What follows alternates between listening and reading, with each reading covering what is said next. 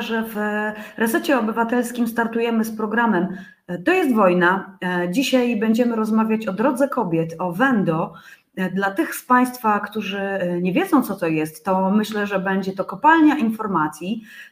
Dlaczego warto uczyć się Wendo, dlaczego warto iść na, na warsztaty, dlaczego one są takie ważne, dlaczego każda kobieta, każda dziewczynka w Polsce powinna takie warsztaty przynajmniej raz w swoim życiu zaliczyć. O tym wszystkim już za moment.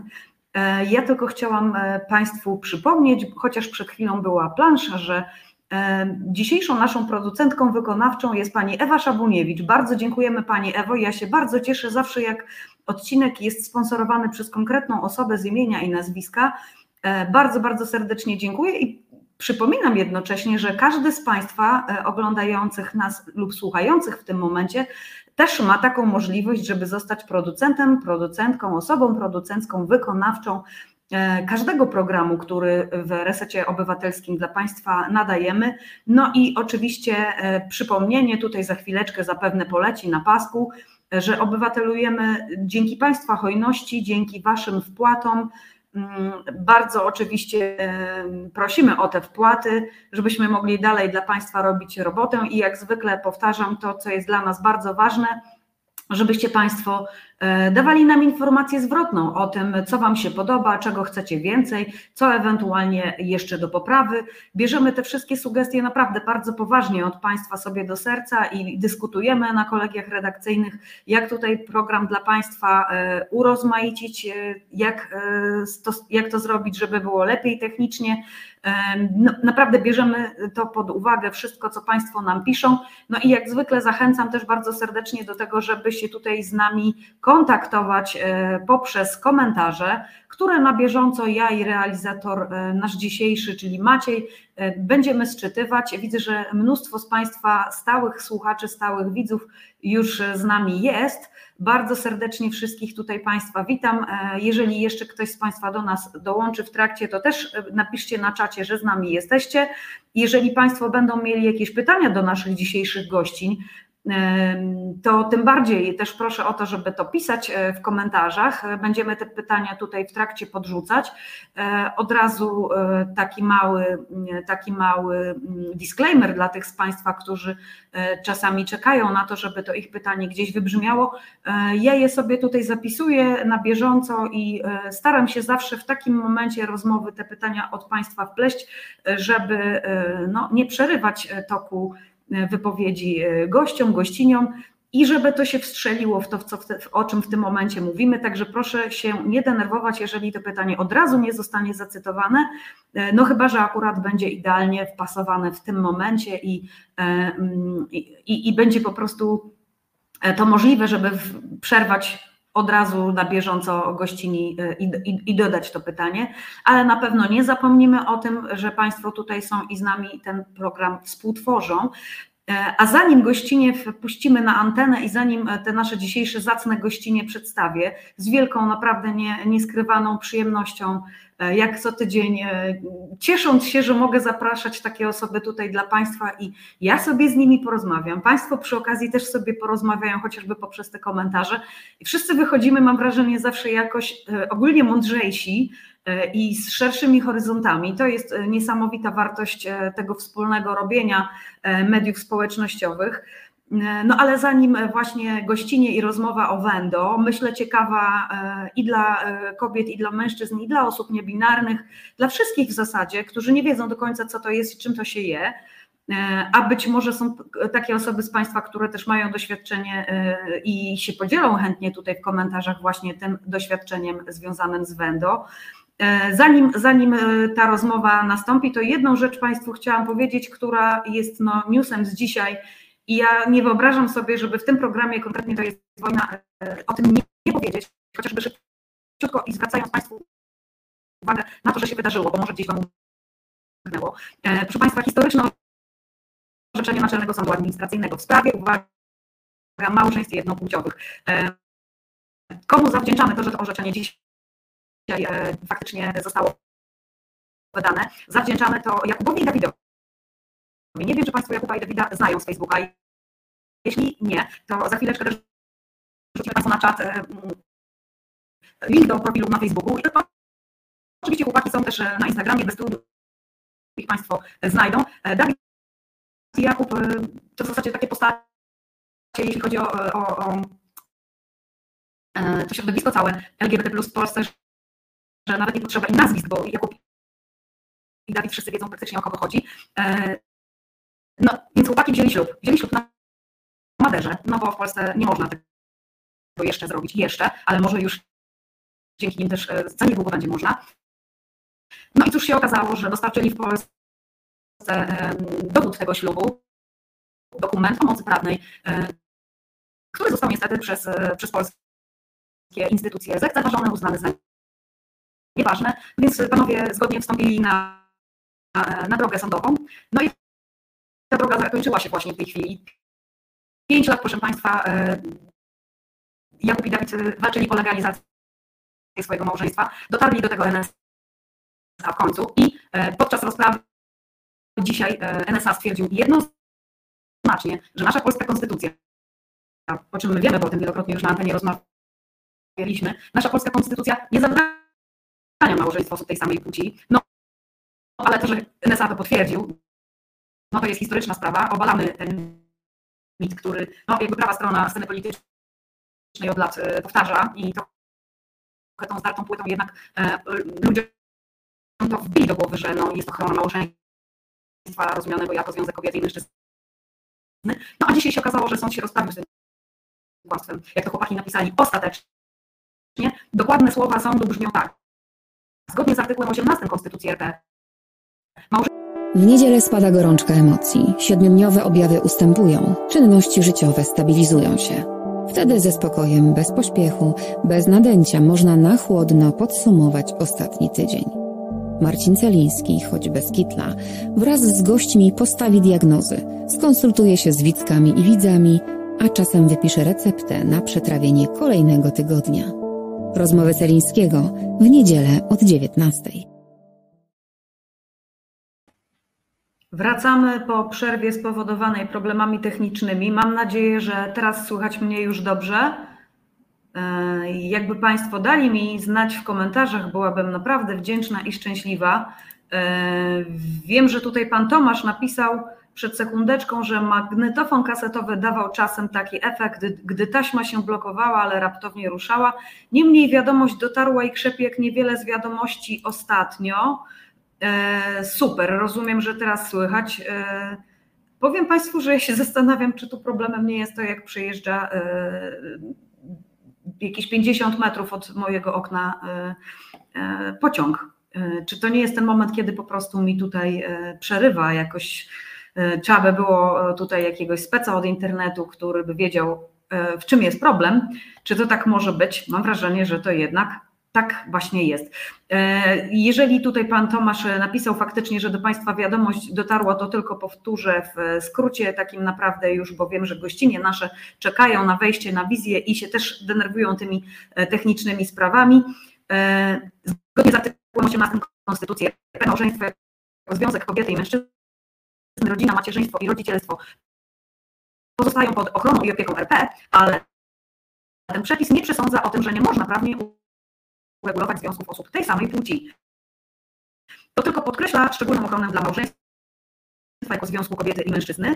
No i w związku z tym treść artykułu 18 Konstytucji nie może stanowić żadnej przeszkody do tego, żeby e, transkrybować zagraniczny akt małżeństwa.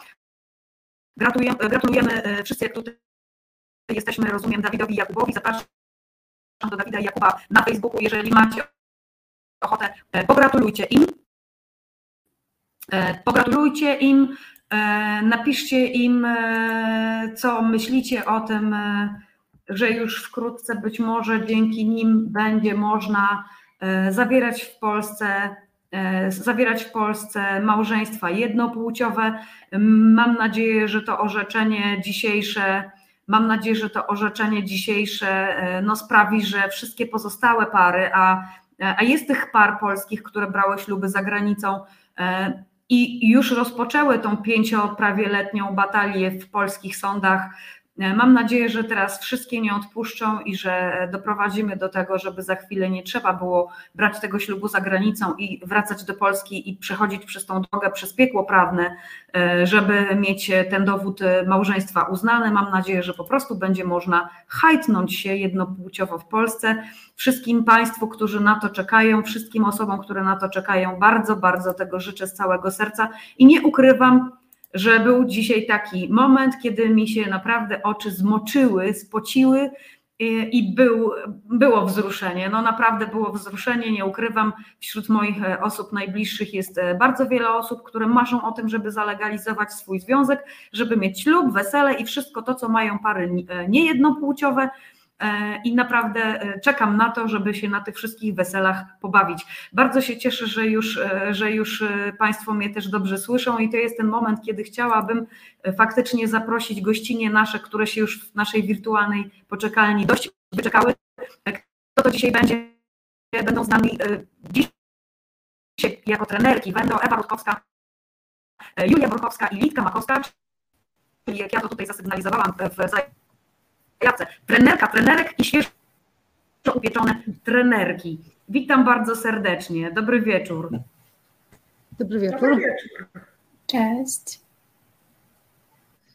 To może zaczynając, tak jak e, Państwo tutaj widzą, e, od mojego e, prawego górnego rogu i Państwa prawego górnego rogu mamy tutaj Ewę Rutkowską, podpisaną Autonomia. Chodzi oczywiście o Fundację Autonomia, którą też oznaczaliśmy w zajawkach. Fundację, która zajmuje się prawami kobiet ogólnie szeroko pojętymi, no i walką, walką z przemocą, też przemocą skierowaną przeciwko kobietom, dziewczynkom.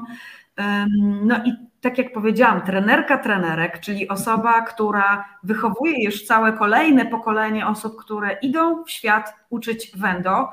E, no i dwie adeptki, świeżo upieczone, Litka Makowska, e, znana już Państwu, bo bywała u nas jako gościni, aktywistka, feministka, e, machina napędowa i sprężyna Trójmiejskiej Akcji Kobiecej i Julia Borkowska, aktywistka, pracująca na rzecz jednej z organizacji feministycznych bardzo znanych, podpowiem Państwu, że na F. I też już osoba, która w tym momencie będzie zawodowo w sposób certyfikowany, co jest u nas bardzo ważne w Polsce, E, nauczać innych. E, I na początek chciałabym Was zapytać, jak Wy definiujecie wendo, jak ktoś Was pyta, co to jest?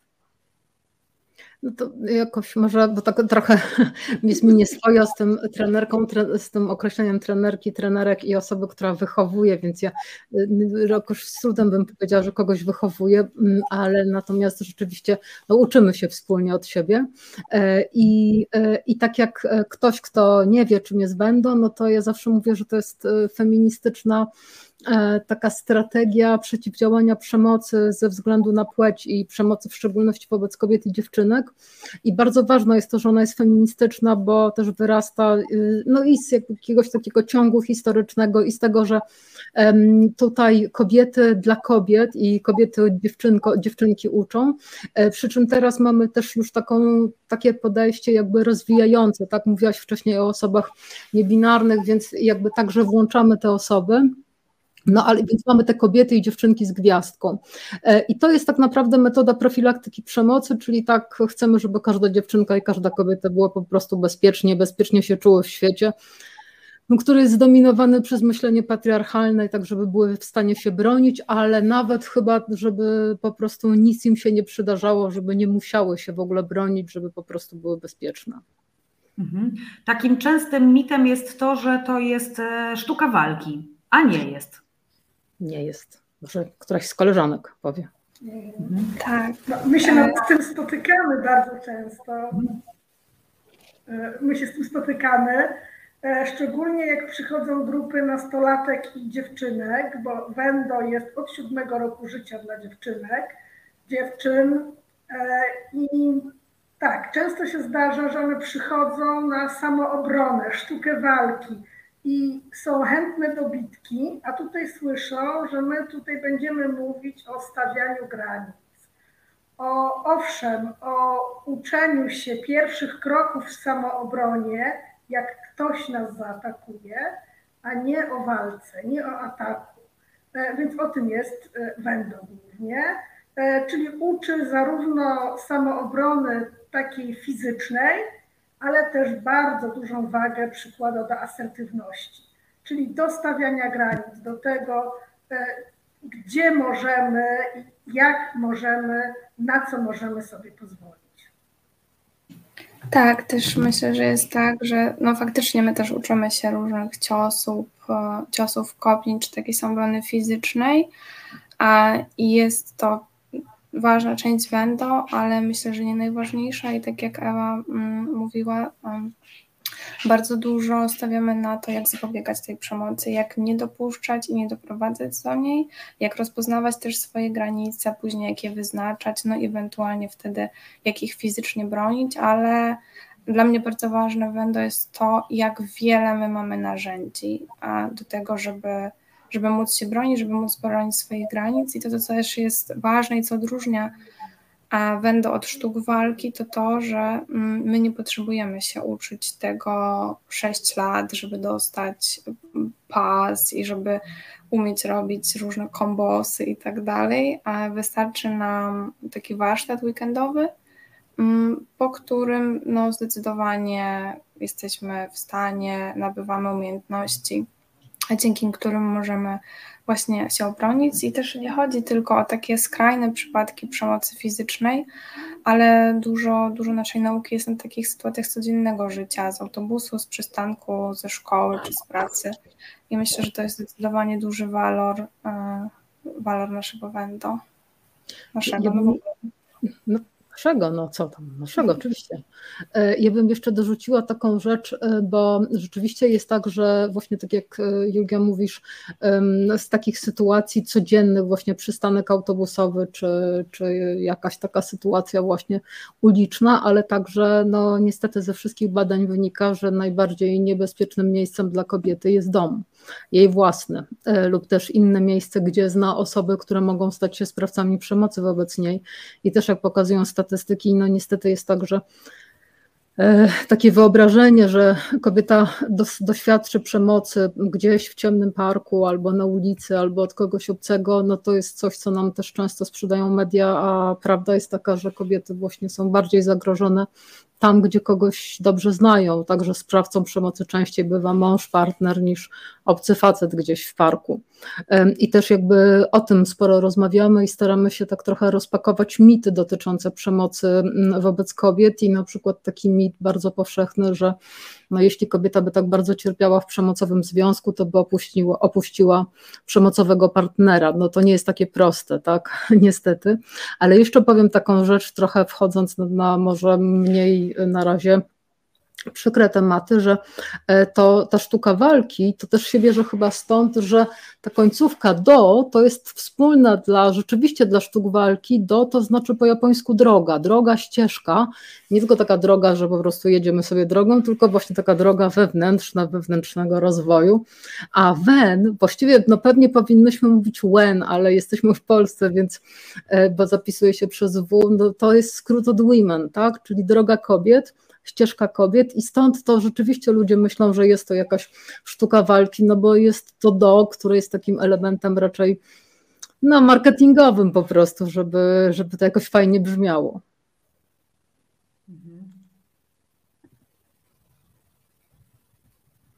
Czekamy na Dominikę.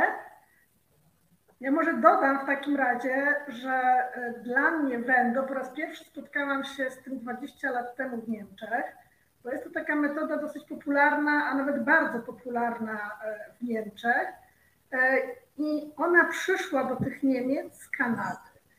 Mm, I w e, Niemczech uczyłam się tego na studiach, że Wendo, czyli droga kobiet, pochodzi, właściwie była testowana najpierw, wymyślona i tam rozwijała się najbardziej w środowisku rdzennej ludności, narod, pierwszych narodów Kanady.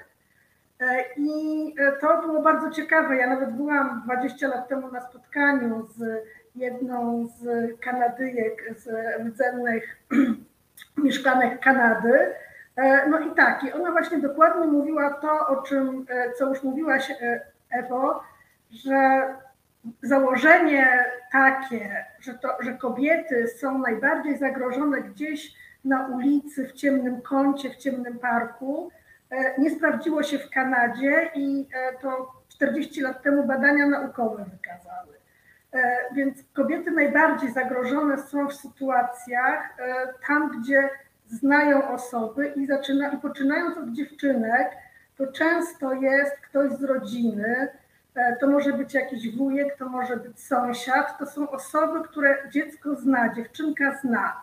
E, potem przechodzimy przez okres nastoletni, a potem kobiety. E, I stąd też Wendo w Kanadzie bardzo dużą uwagę położyło na rozwijanie, nauczenie wendo, nauczenie tych metod samoobrony, rozmowa z dziewczynami, nastolatkami, kobietami. Tutaj celowo podaję trzy takie grupy wiekowe, bo tam to było bardzo ważne, e, żeby inaczej trochę uczyć stawiania granic, mówienia stanowczego nie, e, uczyć dziewczynki, uczyć nastolatki i uczyć kobiety. Czyli z jednej strony to jest e, faktycznie nauka elementów samoobrony, e, ale jest też cała taka obudowa e, o asertywności, o granicach, rozumiem, z elementami jakiejś psychologii też. Coś zupełnie unikalnego też na polskim rynku. Nie ma drugiej takiej metody, prawda? I, I jaki czas to w Polsce już mamy? Bo tych trenerek no też jeszcze nie jest tak dużo, żeby sprostać temu zapotrzebowaniu, dlatego że to jest metoda w sumie w Polsce stosunkowo e, od niedawna popularyzowana.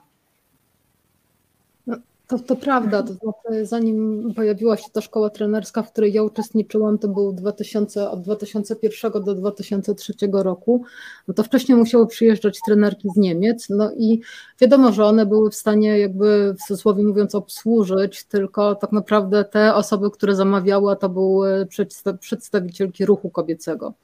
Mhm. No i to było rzeczywiście dosyć ograniczające. Tą moją szkołę skończyło 16 trenerek ale nie wszystkie są dalej trenerkami, nie wszystkie dalej pracują w tym zawodzie. Mm, była później Akademia Treningu Wendo numer jeden i tam było 29 e, osób, które ją ukończyło. No też wiadomo, że nie wszystkie pracują, no i teraz będziemy mieć kolejne 24, mam nadzieję, osoby, które zakończą i będzie już jakby naprawdę sporo więcej tych osób trenerskich i to też jest istotne, bo no tak, bo no niby teraz możemy powiedzieć, że to jest 20 lat z kawałeczkiem, e, ale tak jak mówisz, e, mało trenerek, mało osób przeszkolonych. Teraz będzie dużo trenerek i mam nadzieję, że będzie coraz więcej osób, które będą miały na swoim koncie właśnie już e, pierwsze albo drugie, albo trzecie nawet będą, bo ja też mam taką, tak jak ty powiedziałaś, jeden raz w życiu przynajmniej.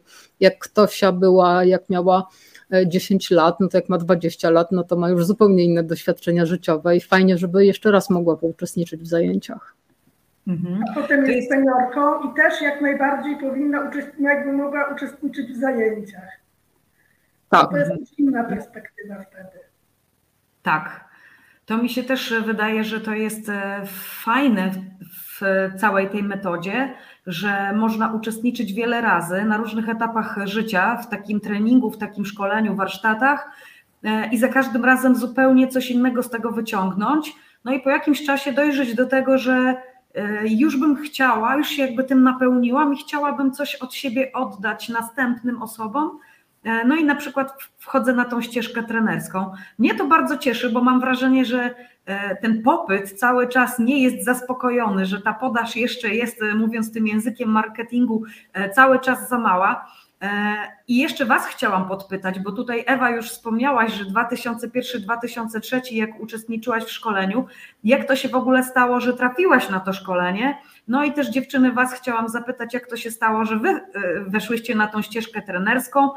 Litka już troszkę tam powiedziałaś o tym, że gdzieś już miałaś za granicą wcześniej z tym kontakt, no ale jak to się stało, że tu w Polsce E, e, no, jako osoba, która robi mnóstwo różnych innych rzeczy, zdecydowałaś się, że to jest to, na czym teraz chcesz się skupić w najbliższym czasie. No a Julika, to w ogóle mam pytanie, skąd to się wzięło w Twoim życiu? E, I zazdroszczę, powiem szczerze, że już masz to doświadczenie na koncie. Będę gonić, będę gonić, po prostu będę próbowała też do Was tutaj doszlusować w najbliższym czasie. Może Julia teraz na początek, tak. Tak, e, no ja się bardzo cieszę, że tak wcześnie trafiłam na Wendo, bo ja na swoim Wendo, na którym byłam uczestniczką, um, miałam 19 lat i totalnie pamiętam ten moment, jak wyszłam z tego Wendo i miałam takie, zostanę trenerką. I to nie było marzenie, tylko to był plan, więc ja tak pisałam do autonomii, kiedy, kiedy, co parę miesięcy, kiedy będzie kurs. E, no i jak tylko się otworzyła rekrutacja, to od razu się zapisałam. Teraz też jestem najmłodszą trenerką, e, z tego co wiem. E, I to też jest zupełnie inna perspektywa. Tak, ja będę przechodzić dopiero przez te etapy jeszcze różne, w sensie tej perspektywy kobiety starszej.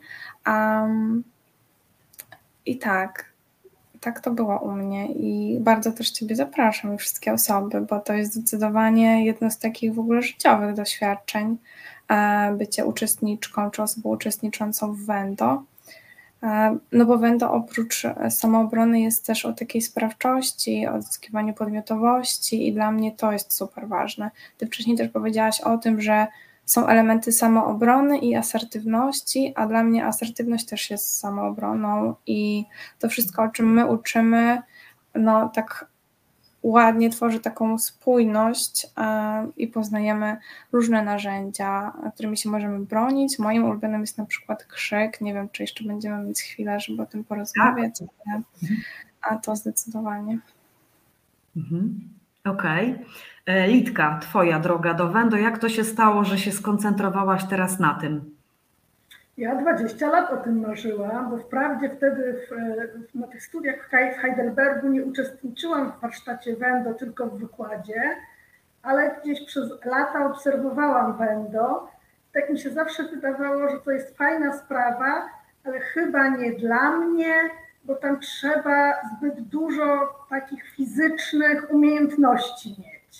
I w końcu poszłam na Wendo i zobaczyłam i się przekonałam sama na sobie, że rzeczywiście siedmioletnie dziewczynki potrafią się obronić, potrafią się obronić e, osoby z niepełnosprawnością, e, osoby naprawdę słabe fizycznie, niewysportowane, bo to w ogóle nie chodzi o siłę fizyczną, tylko o to, co mamy w głowie.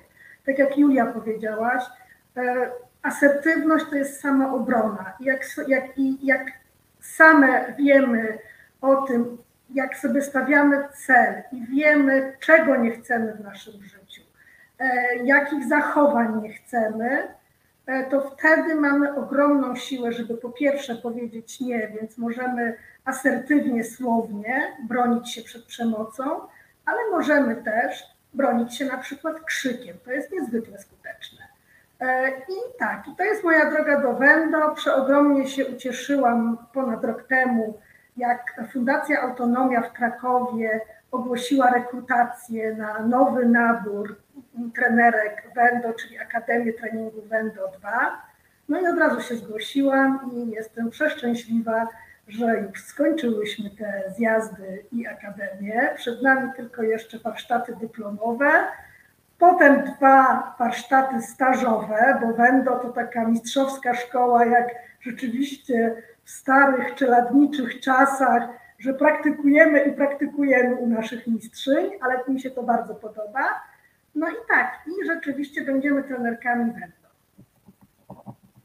Ja tylko powiem, że wcale jeszcze nie, bo jeszcze macie jeden zjazd styczniowy, więc tutaj proszę e, nie zapowiadać, że na przykład będą wagary, bo to w ogóle byłby skandal.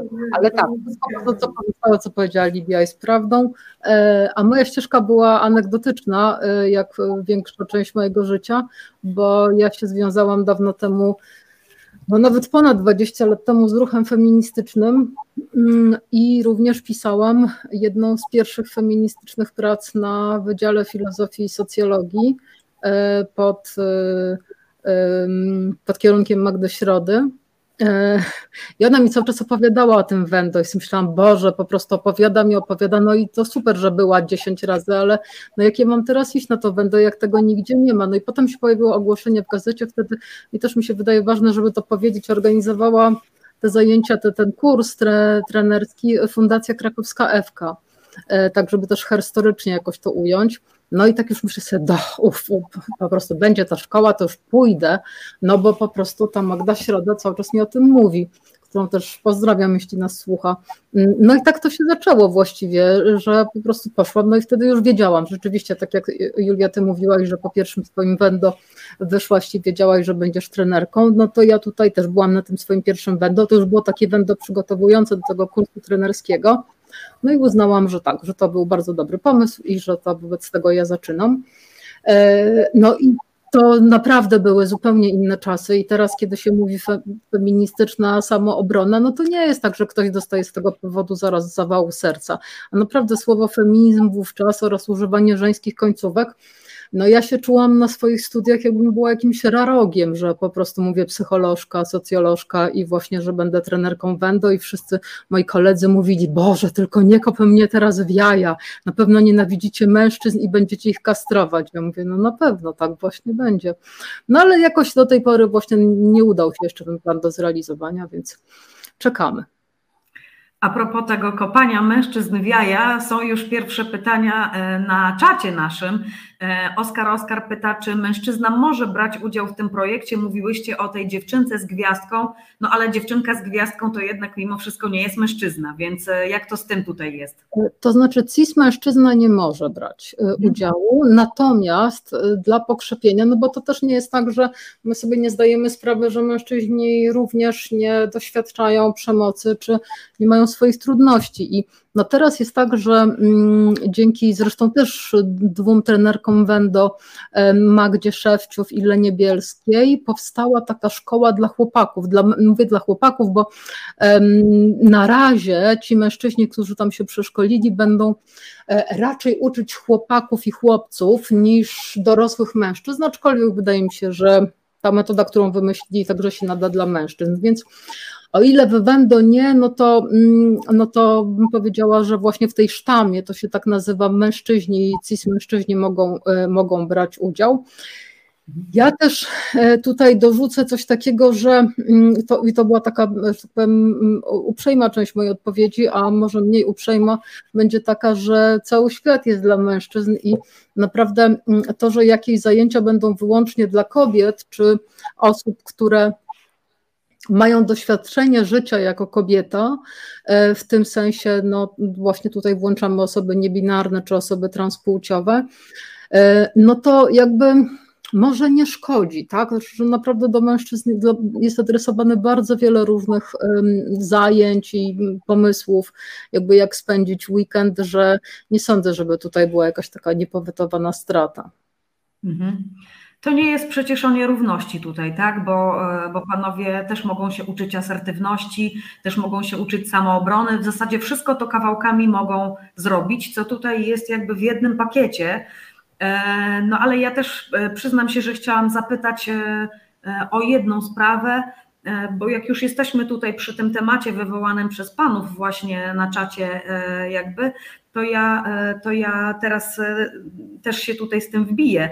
E, jak mówimy o przemocy, tutaj konkretnie mnie akurat e, znaczy, wydaje mi się, że najczęściej to się gdzieś e, przebija, gdy mówimy o gwałtach konkretnie, o przemocy seksualnej.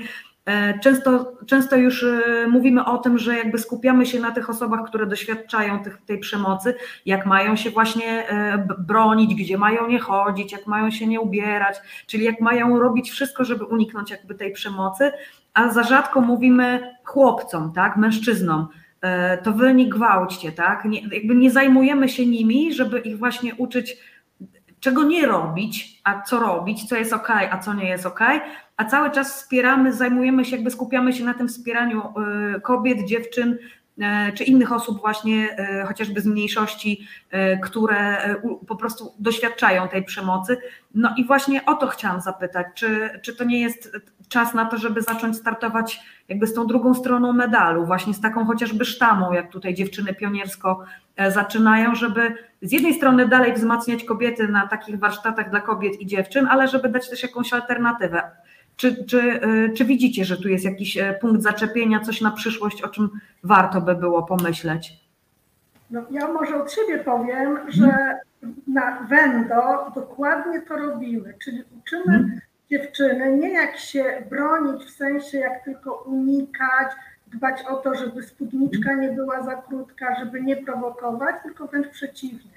My uczymy y, y, dziewczyny i kobiety tego, żeby potrafiły powiedzieć nie i potrafiły, jeżeli jakieś zachowanie uznają za przekraczające ich granice, żeby umieć to zakomunikować. I w ten mhm. sposób uczymy również chłopców, włączamy tych chłopców. Ja mówię teraz o poziomie e, takim bardziej nastoletnim, ale oczywiście też e, to się przekłada na e, kobiety i mężczyzn, czyli ale pozostanę przy tych dziewczynach, nastolatkach i chłopakach, bo to najczęściej wtedy ten głos, a dlaczego dla chłopców nie ma takich zajęć? No więc my wychodzimy w Wendo z założenia, że dziewczyna asertywna, czyli taka, która potrafi komunikować swoje granice i potrafi to zrobić do swojego rówieśnika, kolegi z klasy, najlepiej go nauczy. Po prostu. Więc to jest właśnie o tym wendo. I nie o tym, my w ogóle nie uczymy tego, że uważaj dziewczyno, wiesz, tu jest patriarchat, więc go omijajmy, tylko wręcz przeciwnie, definiujemy, co to jest patriarchat, w jaki sposób nas ogranicza, E, i zadajemy to pytanie uczestniczkom. I już siedmioletnie dziewczynki mhm. czują intuicyjnie, że coś jednak je bardziej ogranicza. Na przykład na pytanie rodziców, bo takie pytania padają często w szkołach, jak jest wędo dla dziewczyn, dla dziewczyn lat w wieku 7, powiedzmy 10 lat, to zawsze, ale to zawsze trafi się jakiś rodzic, który pyta, no tak, to są warsztaty dla dziewczynek, dla córek, a czy dla synów coś będzie, dla chłopców? I wtedy dziewczyny, jak się je zapyta, czy chłopcy się czują poszkodowani, to takie mhm. małe dziewczyny już wiedzą, że nie, dlatego że chłopcy mają na przykład nowe boiska sportowe w szkole i to są dla nich, bo na tych boiskach sportowych nowych, wyremontowanych, dziewczyny nie mają co robić, bo tam się kopie piłkę, a dziewczyny w piłkę nie grają w tej szkole. Oczywiście to się zmienia. Jest coraz więcej szkół, gdzie również szczególnie w klasach młodszych dziewczynki mają regularne zajęcia sportowe w piłkę nożną, no ale to jeszcze nie jest reguła. I dziewczyny czują, że jednak są, że jednak tych zajęć dla chłopców jest więcej niż dla dziewczyn, E, no i to właśnie jedno wendo, gdzie one uczą się reagować, jest po prostu dla nich. Mhm. To ja mam z kolei, to ja mam z kolei tak, że ja bym bardzo chciała, żeby wendo nie było potrzebne właśnie w takim sensie, żebyśmy jako osoby kobiece nie doświadczały takiej ilości przemocy, jakiej doświadczamy. Ale na ten moment, na 2022 rok, mimo że często my lubimy mówić o to XXI wiek, no to to nie jest możliwe, w sensie, że konieczna jest systemowa zmiana i tutaj, tak jak Ewa mówiła, sztama jest jakąś odpowiedzią na to. Ja bardzo też lubię to hasło, że zamiast schronić córki, to edukujcie synów, no i totalnie tak. Tutaj, jeżeli ktoś byłby zainteresowany, żeby to poeksplorować, to ostatnio została przetłumaczona książka Bell Hooks o męskości, mężczyznach i miłości to polecam sobie przeczytać tą pozycję. Nie wiem, czy możemy jakoś na czat to wrzucić. Tak, już to zaraz wrzucę. Mhm. E, to tam faktycznie, i to jest książka napisana przez feministkę, e, właśnie, która nie nienawidzi mężczyzn, tylko jakby tak rozpykuje po kolei e, też to, co patriarchat robi mężczyznom, no bo też ich krzywdzi. No ale my też dzisiaj chyba nie o tym. I. No i tak odpowiadając na Twoje pytanie, no to tak, to jest super ważne też, żeby była taka edukacja. No uważam, że ona powinna być systemowa. No czy to jest możliwe teraz? Nie, w ogóle nie jest i bardzo daleka droga, dlatego ja, ja się bardzo cieszę, że niedługo będę mogła zacząć już pracować tą metodą z kobietami, będę. Hmm. No i no tak, to jest chyba na ten moment taki stan faktyczny, jaki mamy w Polsce. Mhm. E, powiem Wam, że e, jak posłuchałam tego, w jaki sposób o tym mówicie, choć ciekawi mnie jeszcze, co Ewa na to, e, na to odrzeknie, to dochodzę do takiego wniosku, że faktycznie tu nie ma tej sprzeczności, że jakby skupiamy się tylko na tych osobach doświadczających przemocy, a odchodzimy od tych osób, no, nie, no jakby zostawiamy dalej te osoby, który, które w zasadzie tej, tej przemocy najczęściej dokonują, a więc tu może by się trzeba było nad tym skupić. Mam wrażenie, że faktycznie to Wendo przez samo to, że dziewczyny się zmieniają, kobiety się zmieniają, już przesuwa granice. Więc tutaj faktycznie jakoś nic, nic, nic się nie wyklucza, chociaż pozornie, no może gdzieś tam te pytania się cały czas będą gdzieś e, e, przejawiać i pojawiać, bo same mówicie, że co chwila gdzieś tam jest, a dlaczego nie dla nie chłopcy, tak? No ale tak, ja to rozumiem, że jest ten moment, kiedy zdecydowanie trzeba się zacząć, e, znaczy trzeba po prostu zadbać o kobiety i o dziewczynki i jak one będą silniejsze, to już się i tak zmieni system, bo jak zmieni się jeden uczestnik tej gry, no to już się wszystko zmienia. To tak jak z kamykiem wrzuconym do wody, już się ta fala gdzieś e, rozchodzi. Ewo, e, jak ty to widzisz? Ja bym jeszcze właśnie dodała o, o, tym właśnie, że padło to pytanie taka, dlaczego nie dla chłopców, albo dlaczego nie dla mężczyzn, no i tak dalej. I ja sobie myślę tak, to trochę tak jak z tym właśnie z newsem, który dzisiaj prezentowałaś, to, że e, grupa mniejszościowa będzie miała takie same prawa jak grupa większościowa, to nie znaczy, że grupie większościowej cokolwiek ubędzie. Nic się nie stanie. Geje i lesbijki, jeśli będą mogli zawierać e, związki małżeńskie, tak to nazwijmy teraz, nie właśnie nie partnerskie, tylko właśnie małżeńskie na takiej samej zasadzie jak osoby jak, jak pary dwupłciowe, to naprawdę pozostałym ludziom nic się od tego nie stanie, nikt nie zbiednieje. I na tym polega tutaj jakby ta, ta sama historia, jakby z Wendo, tak, że no chłopcy są faworyzowani w bardzo wielu różnych aspektach i w szkolnictwie, i na to są badania, tak, no to nie jest tak, że ja to sobie jakoś wymyślam. Natomiast, natomiast rzeczywiście jest tak, że dziewczyny pomimo, że na przykład są tak, a, chociaż może to nie jest pomimo, są szkolone do takiej grzeczności, są uczone takiego właśnie potakiwania, bycia grzeczną, uśmiechania się. Tak, ten uśmiech ma po prostu wynagrodzić wszystkim pobyt na tej planecie i dziewczynka się będzie uśmiechać i ładnie wyglądać. Od chłopców się tego nie wymaga, więc tutaj naprawdę nie ma w ogóle symetrii, tak, że jeżeli organizujemy zajęcia empowermentowe, takie dowartościowujące dla dziewczyn, to musimy natychmiast dla chłopców.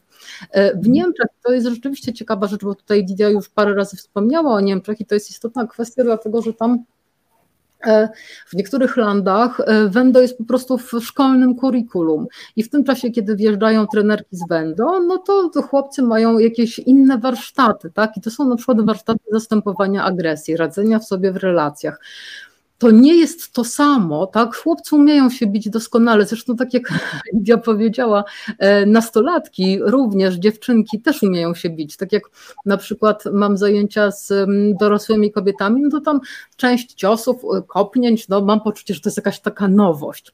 Dziewczynkom to trzeba zabierać te łapy trenerskie po prostu czasami w czasie przerwy, żeby sobie krzywdy nie zrobiły, bo one umieją robić i tutaj myślę, że naprawdę mm, e, no jakby nie ma to aż takiego aż takiego y, jakby y, znaczenia, ta symetria, ale bardziej jakby dobranie metod do, do odpowiedniego tutaj audytorium. I chciałam jeszcze powiedzieć, że naprawdę to też nie jest trochę do nas pytanie, no bo um, Julia wspomniała o Bell Hooks i w ogóle rzeczywiście to jest lektura bardzo godna polecenia w kontekście właśnie współczesnej męskości, ale jeśli na przykład ktoś ma takie parcie, żeby mężczyzna mówił do mężczyzn, no to jest Jackson Katz to jest Tony Porter, którego można sobie też posłuchać. Tutaj jest też ciekawa rzecz, bo Tony Porter jest również osobą z mniejszości, bo jest czarny. Mm, I to są mężczyźni, którzy walczą o prawa kobiet, pracując z mężczyznami. I to są taki, tak stereotypowo ująwszy, bym powiedziała, tacy silni mężczyźni, tak, którzy zajmowali się sportem, którzy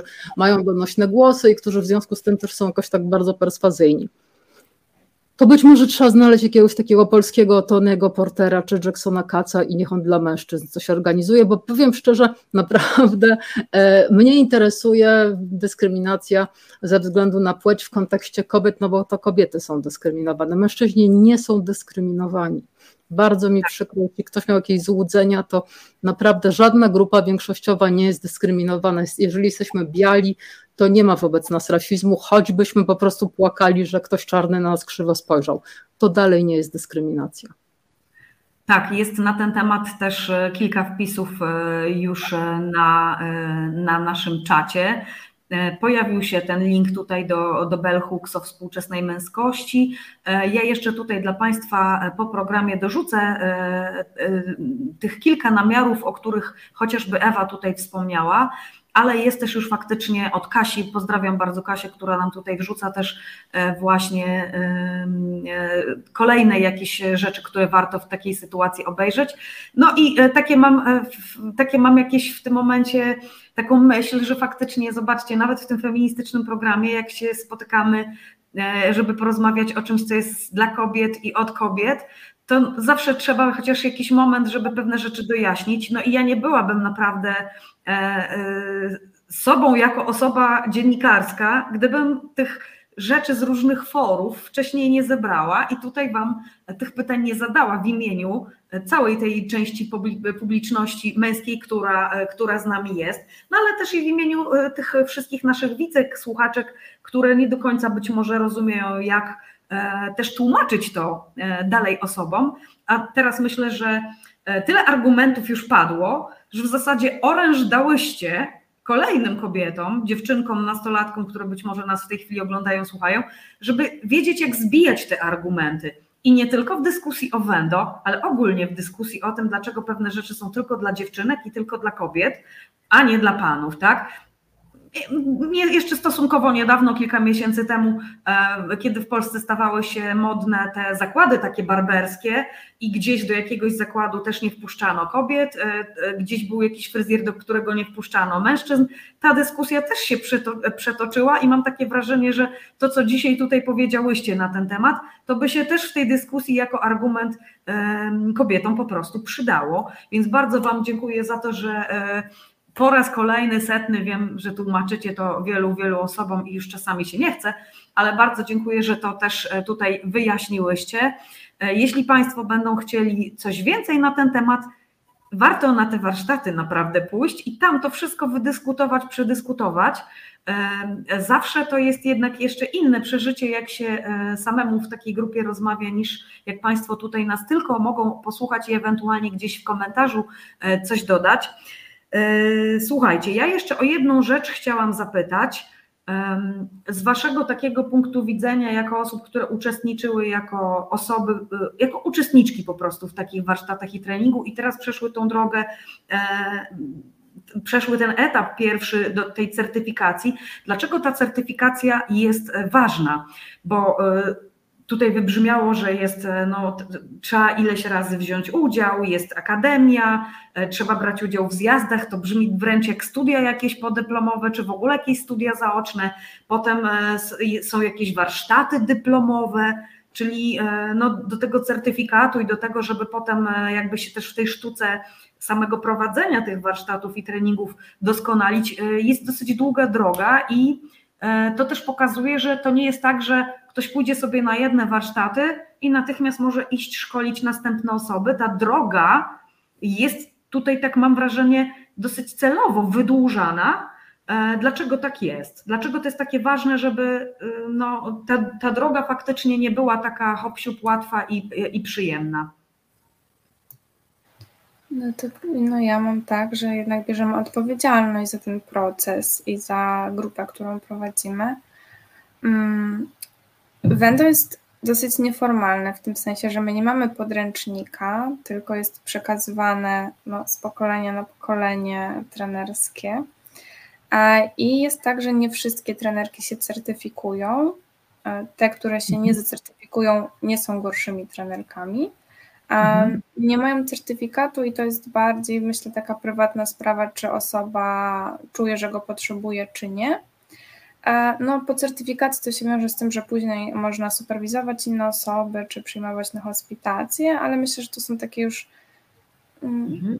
no, małe kwestie. No, my mamy warsztat dyplomowy e, i to przechodzi każda osoba, która w ogóle później e, może, czy chce się nazywać w ogóle trenerką Wendo. No i to jest taki warsztat, który podsumowuje naszą pracę, mm, którą wykonywałyśmy przez rok na 10 zjazdach.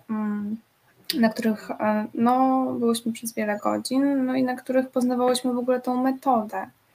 Zakładam, że jak będę prowadzić e, już swoje warsztaty, również ten warsztat dyplomowy, który jest notabene za tydzień, e, no to też ja będę ją zgłębiać i eksplorować jeszcze bardziej, no ale takie mm, no żeby w ogóle przekazać tą wiedzę i kogoś nauczyć, no to sama muszę być jej pewna, muszę sama uczestniczyć w tym wendo ileś razy. My takie różne procesy, które są ważne, które się odbywają na każdym wendo, my też przez nie na naszej szkole przechodziłyśmy ileś razy, żeby a po pierwsze bardzo dobrze znać perspektywę uczestniczki, to znaczy, mhm. żeby no, móc później się trochę wczuć też w to, co osoby przeżywają, bo wendo jest no, dosyć emocjonalnym procesem i oczywiście są różne reakcje, wszystkie reakcje są ok, osoby mają różnie, w sensie różnie to przeżywają, to co tam się dzieje, no i ważne jest to, żeby no, myślę być otwartą i mieć taką dosyć szeroką perspektywę, więc w tym sensie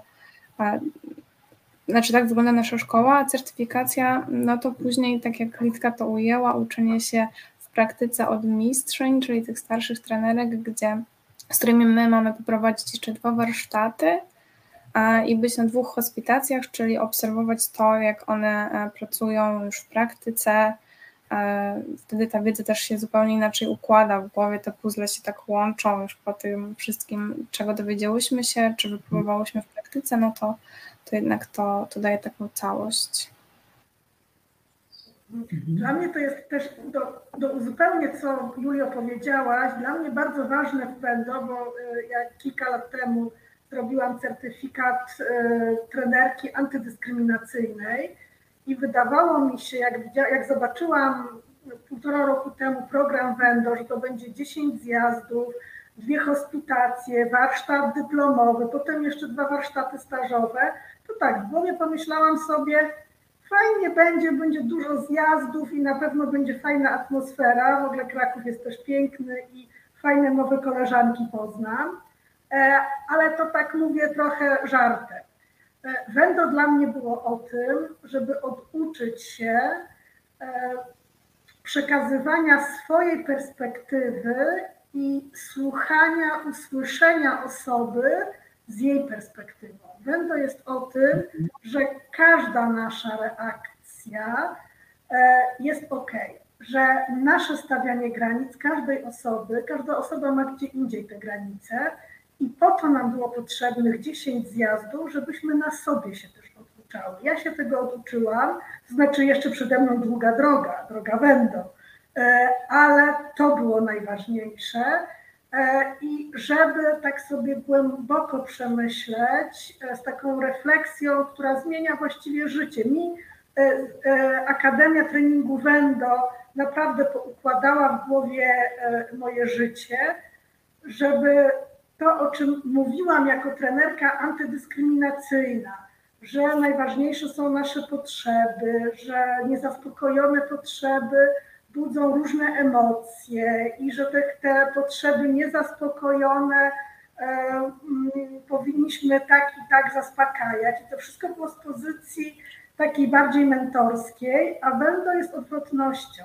Wendo przekazuje stuprocentową sprawczość w ręce osoby, w ręce kobiet, w rę, do, do rąk kobiet, uczestniczek najpierw warsztatów, a potem już samych kobiet, które swoje życie tak układają, jak, jak chcą, więc o tym jest będą. O sprawczości, mhm. bardzo mocno. I odpowiedzialności za życie. Mhm. Ewo, co ty no, na to? Właściwie no tak, no trudno się nie zgodzić. A propos tej sprawczości, my zawsze mówimy na zajęciach, no bo oczywiście trenerka wie, jak coś zrobić, tak wie, jak wykonać cios, wie, jak stanąć w pewnej pozycji. No powiedzmy, uczestniczka może tego nie wiedzieć, ale tak jak e, tutaj Lidia mówi, e, każda kobieta jest ekspertką we własnej sprawie, w tym sensie, że jeżeli ona na jakiś temat coś czuje, a mnie się wydaje, że no jak to tak można, w ogóle to nie bez. Oj, znikła nam gościni, znikła nam Ewa i znikła nam Julia, nawet dwie gościnie nam znikły. Ale to ja pociągnę wątek, ja pociągnę wow, wątek. Wracają, wracają już. Dobrze, Ewa, to kontynuuj. Tylko, właśnie dokończę tej, o tej właśnie kobiecie, która jest ekspertką od własnej sprawy, od siebie samej, że, że bardzo często kobiety mówią, że no jak to jestem ekspertką, ale tutaj po prostu płakałam, a na przykład moja matka mówiła, czego ryczysz, albo mój mąż mówił, wcale się nie powinnaś tutaj mazać, bo to skandal, ile ty masz lat. I często tak rzeczywiście zdarza się tak, że kobiety pierwszy raz słyszą, że no dobra, te uczucia, które czujesz teraz są w porządku, po prostu koniec kropka, bo je czujesz i nie ma tutaj z tym żadnej dyskusji. E, I też ja mam takie doświadczenie, ponieważ też jestem nauczycielką z zawodu, no sporo takiej pracy z uczennicami i czasem, no szczerze mówiąc, włos mi się jeżył na, głowa, na głowie i nie dotyczyło to jakichś, wiecie, miejscowości e, na krańcu Polski, tylko wręcz przeciwnie, dużych miast, kiedy słyszałam, że dziewczyny mówią, że po prostu one w szkole słyszą, bo tak, bo tak masz zrobić, albo bo tak musisz zrobić i nikt nie bierze pod uwagę tego, że one one na przykład w związku z jakąś sytuacją się mogą źle czuć. I to od takich sytuacji typu idź wręcz kwiaty nielubionemu nauczycielowi, do takich sytuacji, że masz siedzieć cicho, kiedy kolega strzela ci na plecach stanikiem, no bo przecież nic ci się nie stało, znowuż to nie jest żadna krzywda wielka. No i tutaj jakby wracając do tego, do tej wcześniejszej dyskusji, która też rozumiem na, tacze, na, na, na czacie się toczyła, że mm, no właśnie też dlatego te zajęcia są dla dziewczyn, tak, żeby one też miały poczucie jej własnej sprawczości. A jeszcze dopowiem o, o tej szkole trenerskiej, dlaczego tak długo. No bo to jest tak, że rzeczywiście, no po prostu to jest szkoła trenerska, one na ogół trwają mniej więcej 10 miesięcy, rok.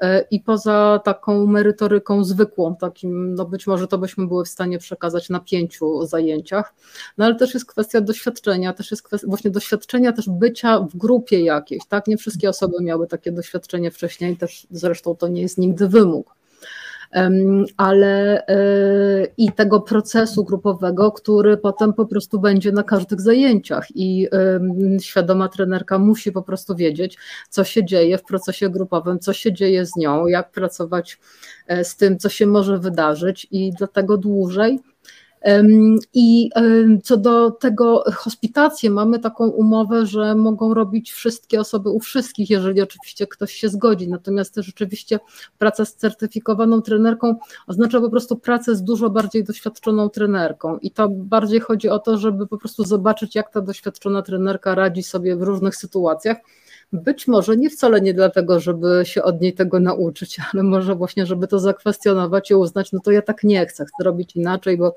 bardziej pasuje mi jakieś inne rozwiązanie.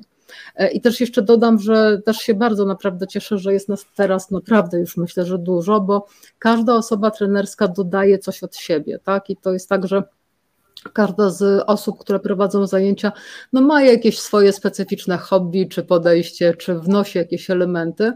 No plus też ma inną osobowość, prawda? No w takim sensie, że jak ktoś jest bardzo, nie wiem, właśnie e, tak sobie wyobrażam, no nie wiem, chaotyczny, to może dobrze, żeby druga trenerka była spokojna, żeby to jakoś równoważyć, albo jeżeli jakaś trenerka z kolei jest bardzo merytoryczna, to dobrze, żeby był ktoś obok, kto będzie żartował, bo w ogóle najfajniej jest pracować w parze, to od razu powiem i też chciałam tak trochę powiedzieć, że poza tym, że właśnie jest ta merytoryka, to jeszcze mam nadzieję będziemy mówić, bo też Julia się o to upominałaś, o krzyk, o, o różne rzeczy związane z tym, jak w ogóle przeciwdziałać przemocy i że ja Y, mogę po prostu wiedzieć, że mogę krzyczeć i to już wystarczająco zadziała, żebym ja przeciwdziałała przemocy, że nawet nie muszę tego krzyku uruchamiać, ale też, że mm, że Wendo jest też o tym, żeby pracować ze sobą, żeby taką mamy rekomendację, żeby wszystkie kobiety pracowały, wszystkie trenerki pracowały w parach, bo po prostu tak jest fajniej.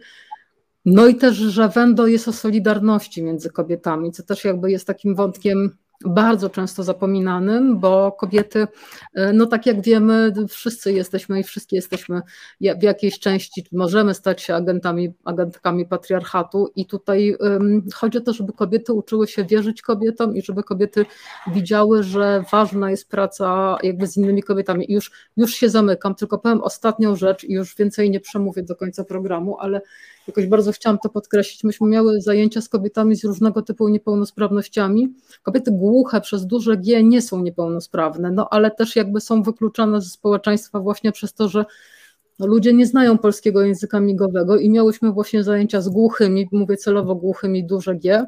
E, I te kobiety, to środowisko nie jest duże, te kobiety się bardzo często między sobą znały i one powiedziały, że miały pierwszy raz takie doświadczenia. Były kobiety między dwudziestką a sześćdziesiątką pewnie tam.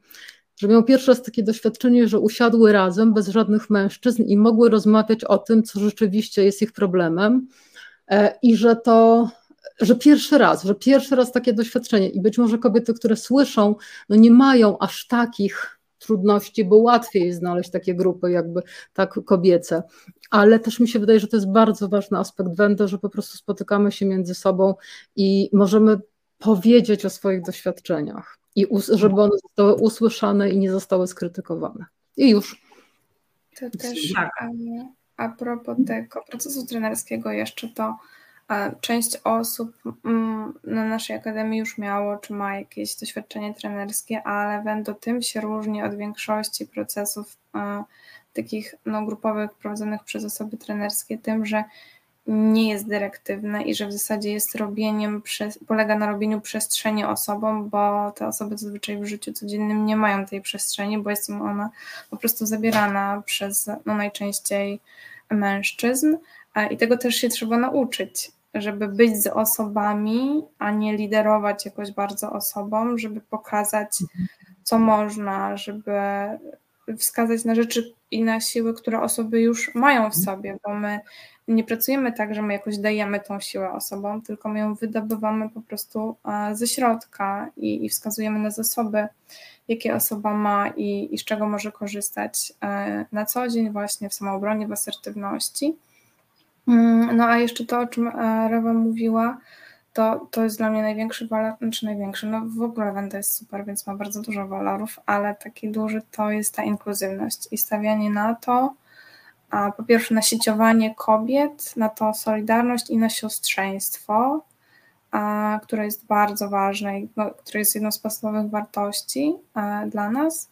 Mm, I ta inkluzywność i to, że każda kobieta się może bronić z różnymi niepełnosprawnościami, z różnych grup mniejszościowych, a z różnymi układami nerwowymi. Jakby jest to bardzo szerokie i to jest najwspanialsze dla mnie w Wendo, że, że pokazujemy, że, że, że zawsze możesz się obronić, że zawsze możesz dbać o siebie, że to jest kwestia decyzji i nie siły, nie jakieś tam wiedzy czy umiejętności, tylko zawsze decyzji. Tego, czy ja się decyduję obronić, czy nie.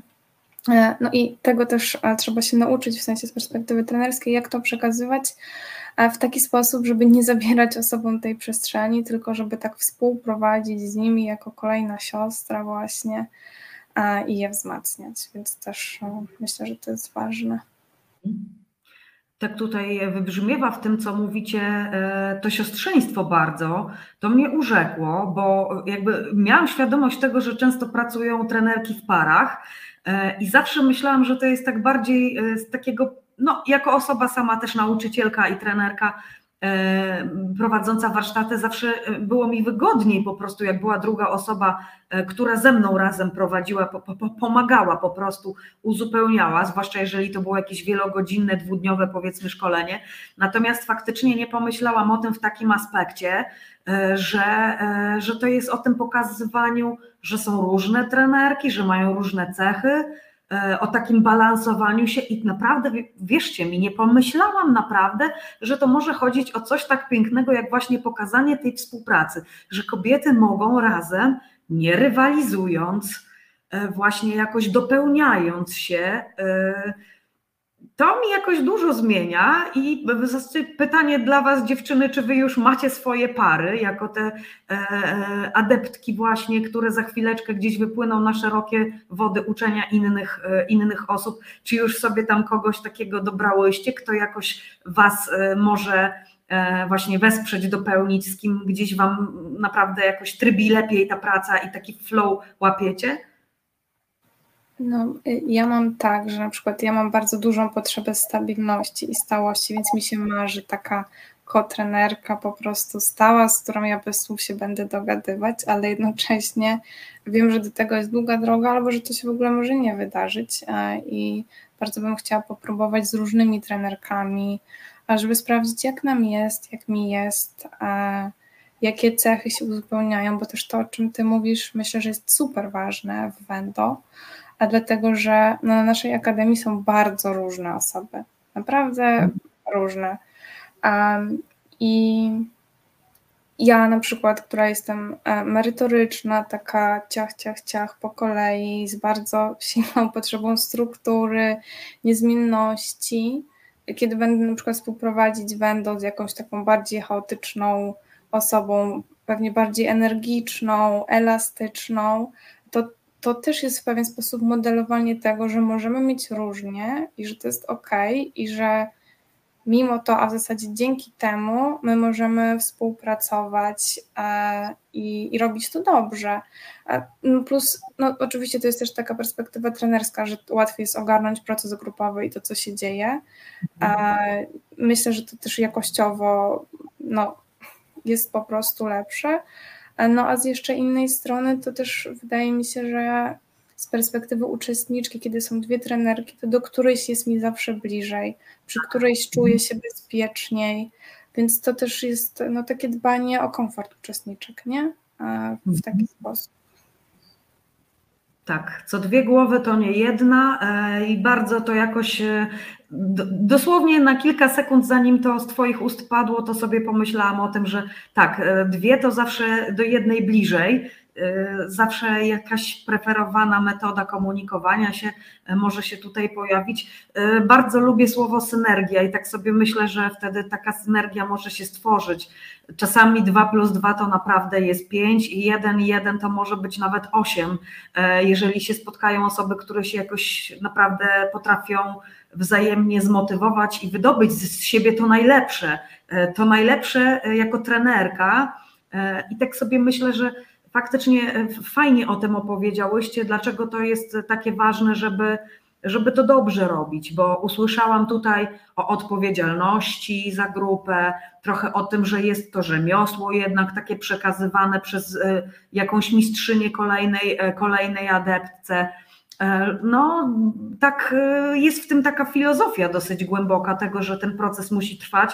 Powiem Wam, e, na mnie zrobiło oczywiście wrażenie jako na nauczycielce te hospitacje i ten proces, no bo przecież nauczyciele też przygotowani merytorycznie do tego, żeby uczyć jakiegoś przedmiotu, też muszą przez ileś lat naprawdę zmieniać perspektywę i się szkolić, jeśli chodzi o sam warsztat pracy. To mi jakoś tutaj bardzo zarezonowało, bo to znam ale też, e, też sobie pomyślałam, że no jednak o tym siostrzeństwie i o tej reprezentacji, żeby każdy mógł, wiecie, jak z tymi lalkami Barbie, tak? Każda dziewczynka się cieszy, jak trafi taką lalkę, która jest do niej jakoś tam podobna i w zasadzie z tymi trenerkami też tak może być, że jak są dwie, to zawsze gdzieś faktycznie z którąś jakoś nam będzie bardziej może po drodze.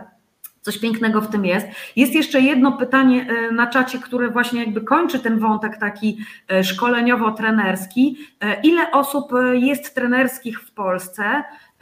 W jakich miastach można się zapisać, przeszkolić i czy jest gdzieś jakaś lista zweryfikowanych miejsc? Taka lista, choć niepełna, już za chwileczkę będzie na czacie, bo Ewa tutaj zdążyła nam w trakcie, jest, w trakcie rozmowy, tak, a już jest nawet, zdążyła nam e, to podesłać. Tam brakuje jeszcze kilku trenerek. O, nie, brakuje całej tej naszej grupy, dlatego że w tej publikacji Autonomii, Siła, Odwaga, Solidarność ona była na zakończenie tej pierwszej szkoły trenerskiej, w sensie nie tej mojej, tylko tej jakby, którą ja współprowadziłam.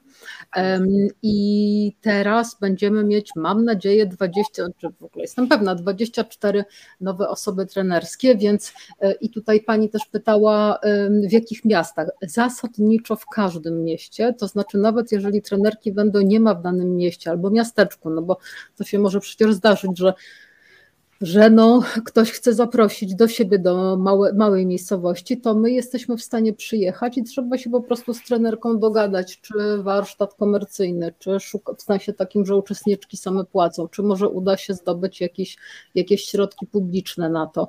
E, to oczywiście dużo zależy i też bardzo często jest tak, no, takich środków publicznych w takim sensie rządowym, na to bym nie liczyła specjalnie, Natomiast e, takie już lokalne raczej tak, to jest, to jest możliwe.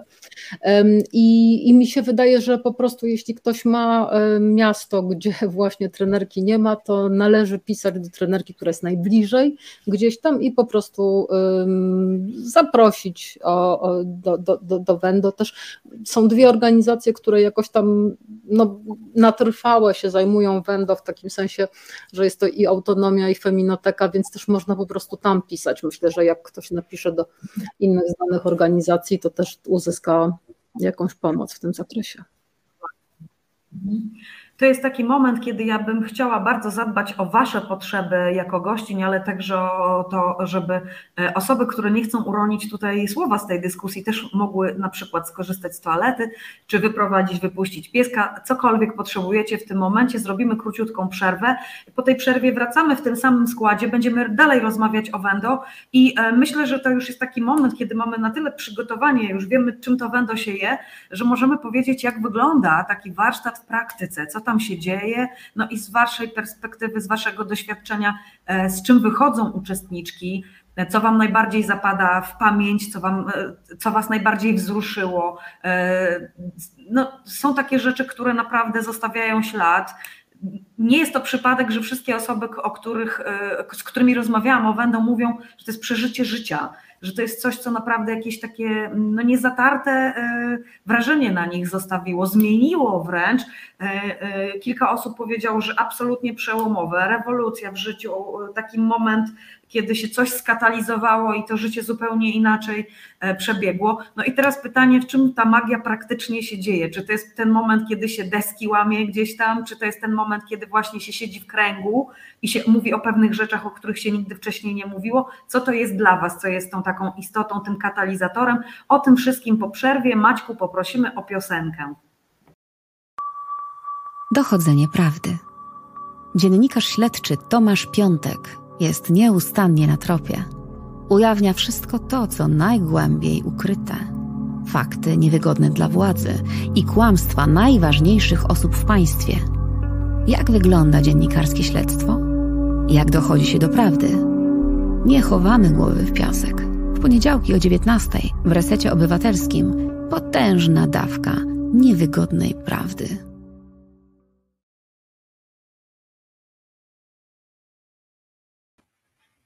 Wracamy po przerwie w programie To jest wojna i już wracają też na wizję e, nasze dzisiejsze gościnie.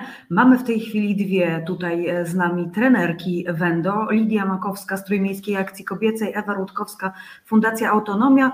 E, być może za momencik wróci jeszcze Julia Borkowska, która też z nami była w pierwszej części. E, czekamy na ten moment, a e, ja tutaj jeszcze podsumuję dla tych osób, które się w tej chwili być może do nas włączyły, do oglądania, do słuchania. Rozmawiałyśmy o tym, co to jest Wendo, E, dlaczego warto e, iść na taki trening, e, dlaczego dla kobiet, od kobiet i dlaczego nie dla chłopców. To wszystko w tej pierwszej części, jeżeli jesteście zainteresowani jako słuchacze, słuchaczki, gdzie można się szkolić, to wszystko już w tej chwili też jest na naszym czacie. E, sprawdźcie tam linki, e, po, po, powchodźcie, poczytajcie, być może jest to sprawa dla Was. E, jeżeli ktoś z Panów w tej chwili nas słucha, polecajcie Wendo, opowiedzcie wszystkim kobietom w swojej rodzinie, niech szukają treningów, niech szukają warsztatów.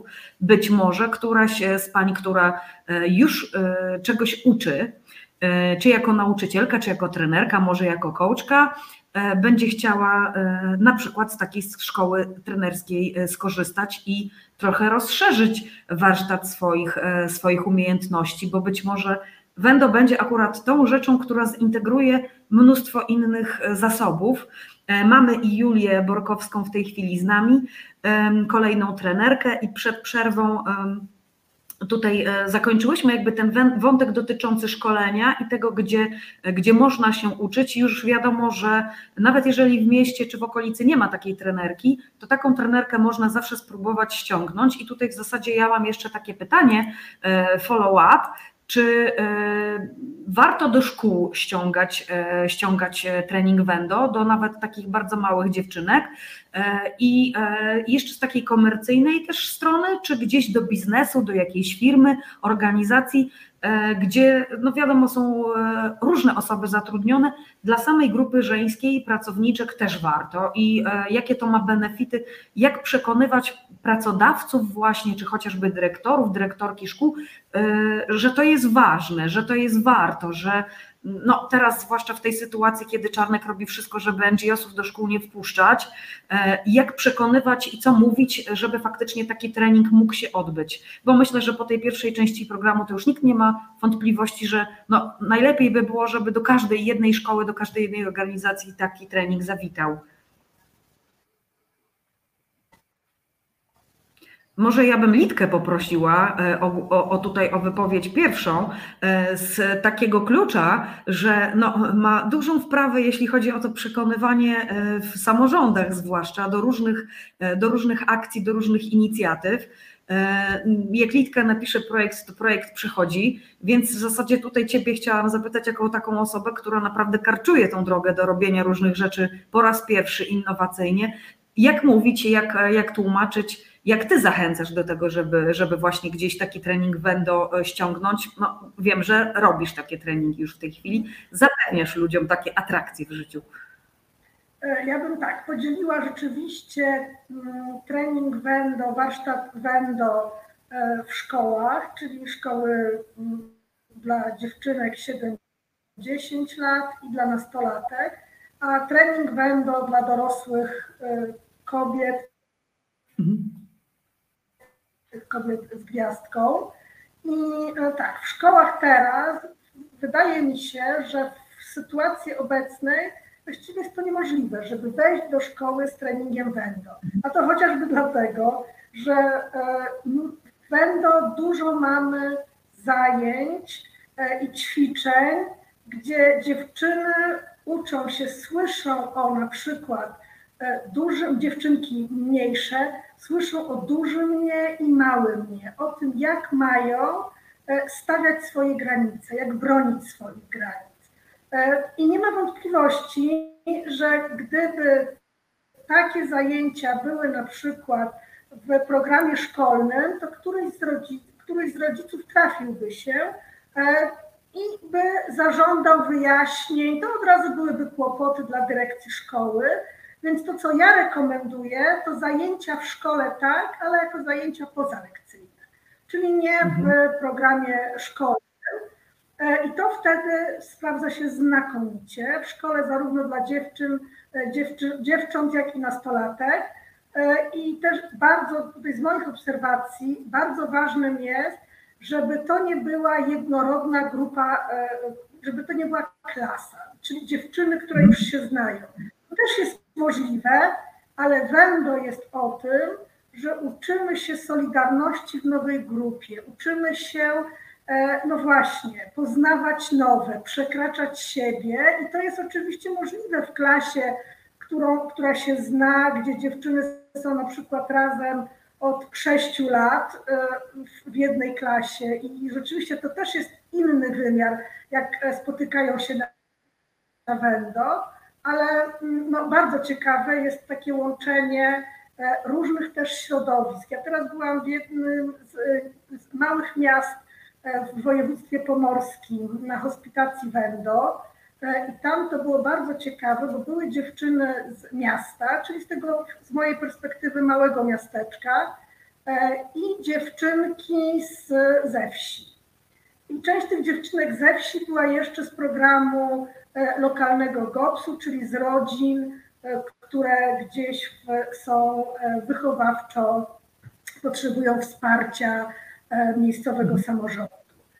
I rzeczywiście przez, prowadzone przez trzy dni miało ogromną siłę, zarówno dla tych dziewczynek z miasta, jak i tych dziewczynek ze wsi.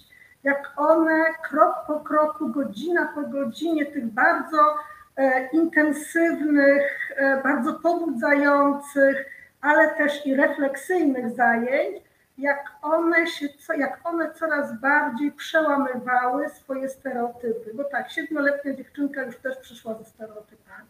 Ta ze wsi, że być może ona się nie nadaje tutaj do tych miejskich dziewczynek, a te miejskie dziewczynki na początku że no one jednak są e, mądrzejsze i były takie bardzo do przodu. Na każde pytanie znały odpowiedź na początku zajęć, a po 16 godzinach, czyli trzeciego dnia, rzeczywiście ta solidarność w grupie była niesamowita.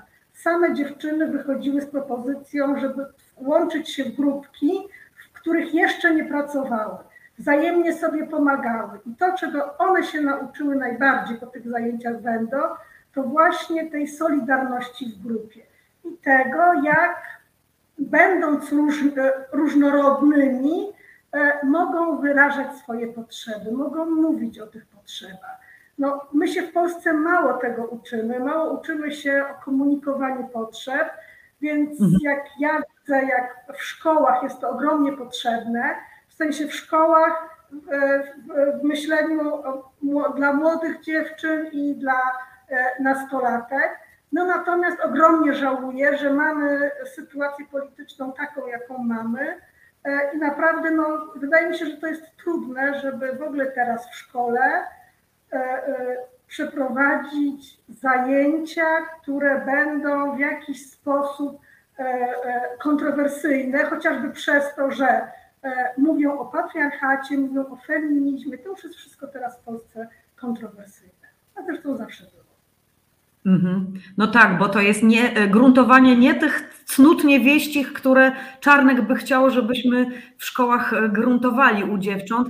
Tutaj było pytanie wcześniej na czacie, teraz do tego wrócę. Gosza pytała, co złego jest w Wendo, że nie można go zrobić w szkołach, a tutaj, a tutaj chodzi o to, E, że e, nic złego nie ma w Wendo, ale no samo to, że mówimy o rzeczach, które wzmacniają kobiety, no nie jest na rękę naszym włodarzom, którzy robią wszystko, żeby e, no, te kobiety były dalej w opresji. Więc to nie jest kwestia tego, czy z Wendo jest coś nie tak, tylko co z tymi naszymi władzami jest nie tak, że nie chcą, mogą nie chcieć tego Wendo wpuścić do szkoły, niestety.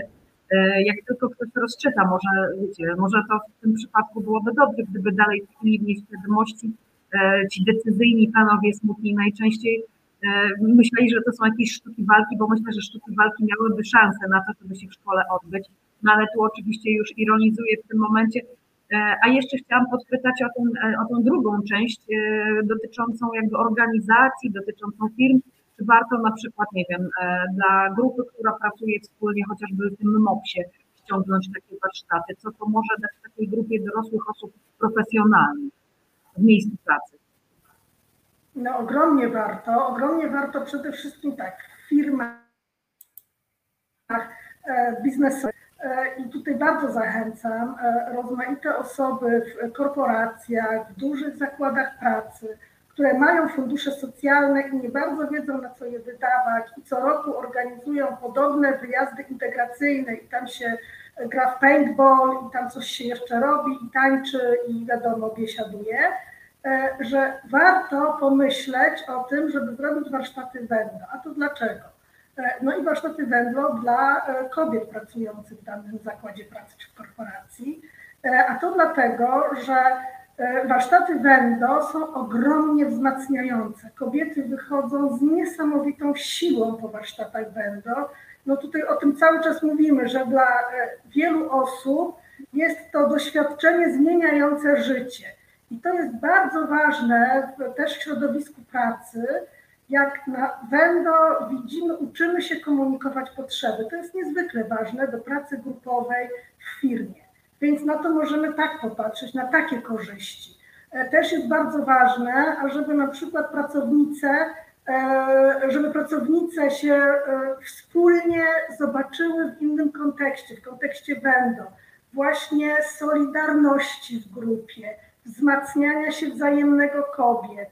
E, często jest jednak tak, że rywalizujemy w pracy, a tutaj mamy mhm. możliwość. Oj. Litka, gdybyś mogła powtórzyć ostatnie zdanie, że mamy tutaj możliwość.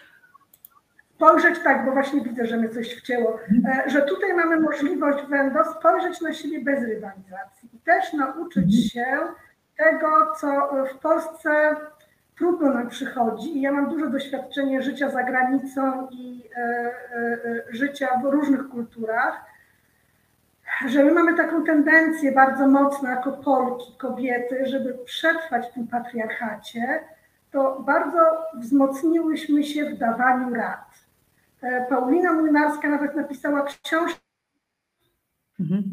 ostatnio, okrutne są te rady, które kobieta kobiecie daje, czyli matka daje córce, siostra siostrze, koleżanka w pracy drugiej koleżance, i często te nasze złote rady wcale nie są wzmacniające. O wiele bardziej wzmacniające byłoby wysłuchanie w takiej empatii, po prostu wysłuchanie, a niekoniecznie od razu dzielenie się tym, co ja bym na Twoim miejscu zrobiła. Bo tak jak cały czas o tym mówimy, my mamy tak różne perspektywy i każda nasza perspektywa jest ok, że czasami słuchanie tego, co ja bym na Twoim miejscu zrobiła, jest wręcz, nie jest wzmacniająca, wręcz przeciwnie. Odbiera nam siłę, odbiera nam moc i myślimy sobie, no tak, to ja jestem ta głupsza. E, I bardzo mocno wtedy e, no, podważa to naszą wartość, podcina nam skrzydła. I my niestety w Polsce lubimy sobie kobiety we własnym gronie te skrzydła podcinać. Ja od 15 lat działam w feministycznej organizacji w Gdańsku, no i bardzo mocno to widzę, że robimy to po prostu nieświadomie. To jest z tego patriarchatu, że my chcemy niby się wzmocnić, niby dać dobrą radę, ale to jest przeciwskuteczne. Mhm.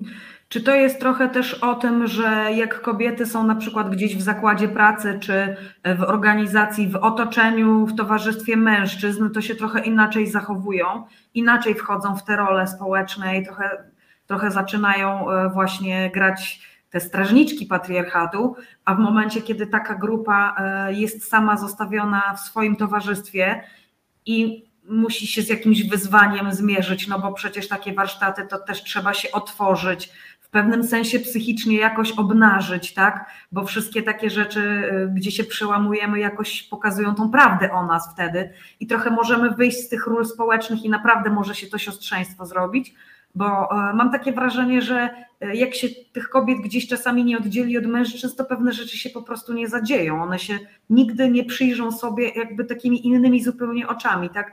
Że jak jesteśmy przy, przy facetach, przy mężczyznach, to widzimy się oczami mężczyzn. Dopiero jak zostajemy same w grupie, e, takiej żeńskiej grupie, to dopiero zaczynamy na siebie patrzeć po prostu jak kobieta na kobietę i widzieć siebie wzajemnie, w sobie, a nie jakieś tam po prostu rywalki, e, nie wiem, e, trochę to jest też o tej perspektywie braku. E, jakbyśmy musiały rywalizować, nie wiem, o miejsce, o, o powietrze, o, o, o uwagę tych panów gdzieś tam wokół nas. Mam wrażenie, że, że to może być dobre też dla takiej grupy i może taki zespół naprawdę wzmocnić i sprawić, że kobiety się tak naprawdę solidaryzują, a nie tak tylko właśnie mm, jak to w memach nas pokazują często, tą solidarność kobiecą. No, ja myślę, że jest tak jak mówisz i że to jest trochę też o tym dawaniu przestrzeni osobom, a właśnie w takim kobiecym gronie, no na pewno też mamy trochę edukacji, takiej psychoedukacji, no bo no chcąc, nie chcąc. I to nawet my jak tu siedzimy, e, na pewno dużo, dużo mniej, ale patriarchat cały czas na nas oddziałuje i mi się też czasami wymsknie coś, a potem dopiero mam takie, Boże, jak ja mogłam to powiedzieć albo tak pomyśleć, no ale cały czas podlegamy tego, to dotyka każdej sfery naszego życia. No a kobiety, kiedy są w towarzystwie mężczyzn, cały czas muszą być czujne, tak podświadomie, ale jednak tam zachodzi tyle procesów takich psychospołecznych, kulturowych, że tyle energii i zasobów poświęcamy na to, żeby wyglądać tak jak trzeba, zachowywać się tak jak trzeba, być grzecznymi, być w ramach, w normach, w, w określonej formie, że mało nam zostaje na to myślenie o sobie i bronienie własnych granic. A no jakby, no to teraz to nie wykład o psychologii, ale tych rzeczy jest super, super dużo. My właśnie, tak jak Ewa mówiła, trochę rozbijamy tych mitów na wędę. Oczywiście warsztat a 12-godzinny czy 16-godzinny no nie wystarczy na to, jakby my nie przekażemy całej wiedzy, zresztą same się też cały czas uczymy, mm, ale zdecydowanie samo stworzenie tej przestrzeni, takiej bezpiecznej, właśnie no, bez mężczyzn i też rolą trenerki wtedy jest zwracanie uwagi i prowadzenie tego procesu w taki sposób, żeby no on był właśnie bezpieczny, żeby osoby były wysłuchane. Samo doświadczenie tego, że inne osoby mają tak jak ja, a ja całe życie myślałam, że tylko ja tak mam, jest właśnie takim życiowym, w sensie zmieniającym życie doświadczeniem. To też to poczucie tego siostrzeństwa, energii, wspierania się. Mm, to jest, to jest coś, czego kobiety nie doświadczają na co dzień, bo tak jak Litka mówiła, no nie wiem, mhm. rozmawiam z teściową czy z siostrą, która no, ma zinternalizowaną mizoginię, mm, czy, czyli takie uwewnętrznione e, negatywne przekonanie na temat kobiet i taką przemocowość e, wobec nich w poglądach, no ale często też w postawie, no to nie mogę tego doświadczyć. A tutaj idę i mam tą trenerkę, która no, trochę pilnuje tego, żeby było bezpiecznie, nieoceniająco, siostrzeńsko, mhm. więc to zdecydowanie. Mhm.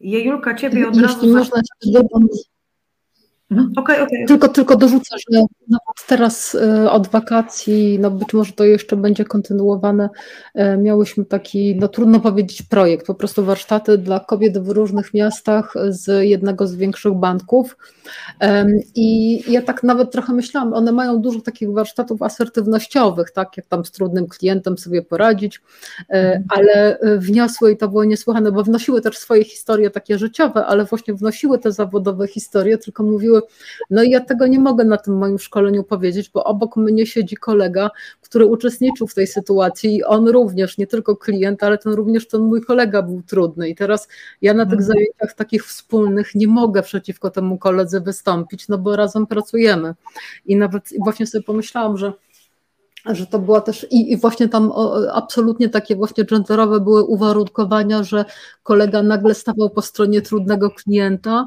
dezawuując funkcję tej kobiety e, do tego, że może ona przyniesie kawę, chociaż byli na tych samych stanowiskach, wiecie, no takie rzeczy powiedziałabym jak ze złego snu z lat 90. trochę. W sensie z mojego złego snu z lat 90., jak, jak zaczynałam swoją karierę zawodową również. I, e, i myślę, że tak, że to naprawdę warto też, jeżeli ktoś nas słucha, kto odpowiada za szkolenia w jakichś firmach, to naprawdę zapraszamy, warto e, zaryzykować i nas zaprosić, bo ja mam też właśnie, bo też tutaj jakby dużo mówimy o różnych aspektach tego będą takich uczących, a to też jest poza wszystkim naprawdę dobra zabawa e, i jest śmiesznie i wesoło i wzruszająco oczywiście też i czasami są sytuacje trudne, ale również to jest takie wzmacniające doświadczenie.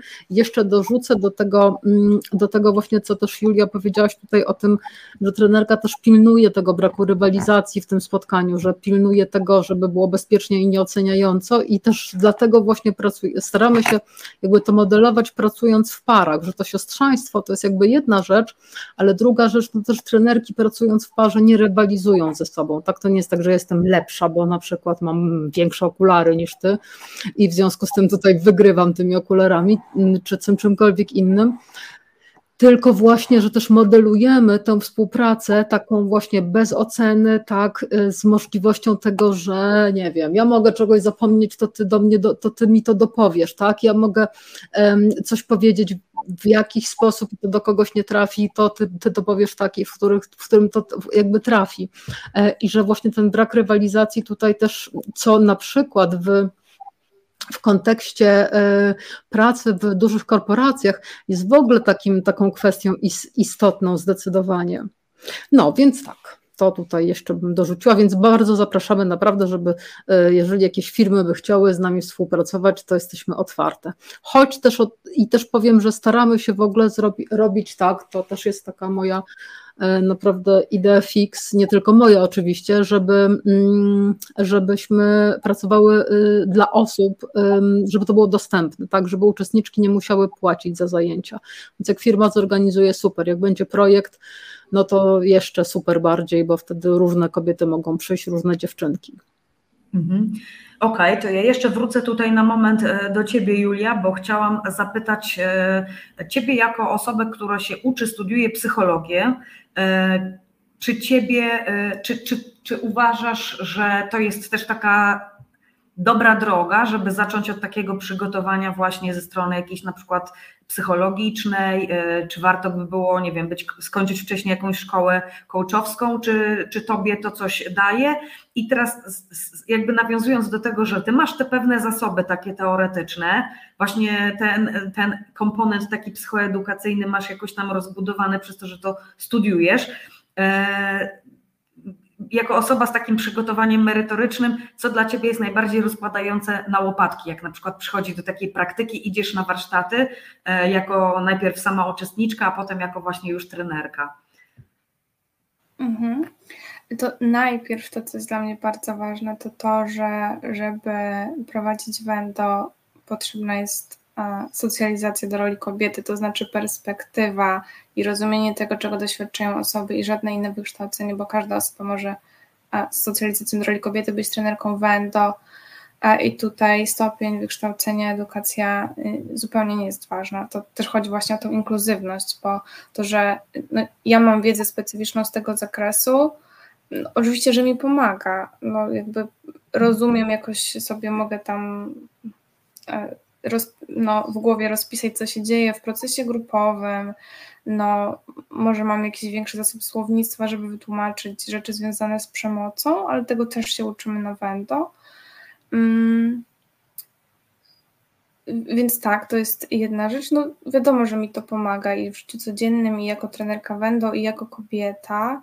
Ja też dla mnie bardzo ważna jest nauka, w sensie podejście naukowe, ale z takim zacięciem feministyczno-queerowym, e, no bo jednak nauka jest taka trochę zatwardziała i tam trochę tych konstruktów, które mamy i które no niektórzy jeszcze, e, których niektórzy jeszcze używają, no niekoniecznie może z mojej perspektywy, takie jaką teraz mam po Wendo, a są użyteczne, czy w ogóle e, znaczy w ogóle istnieją, nie? Bo czasami to, to, to są zupełne bzdury.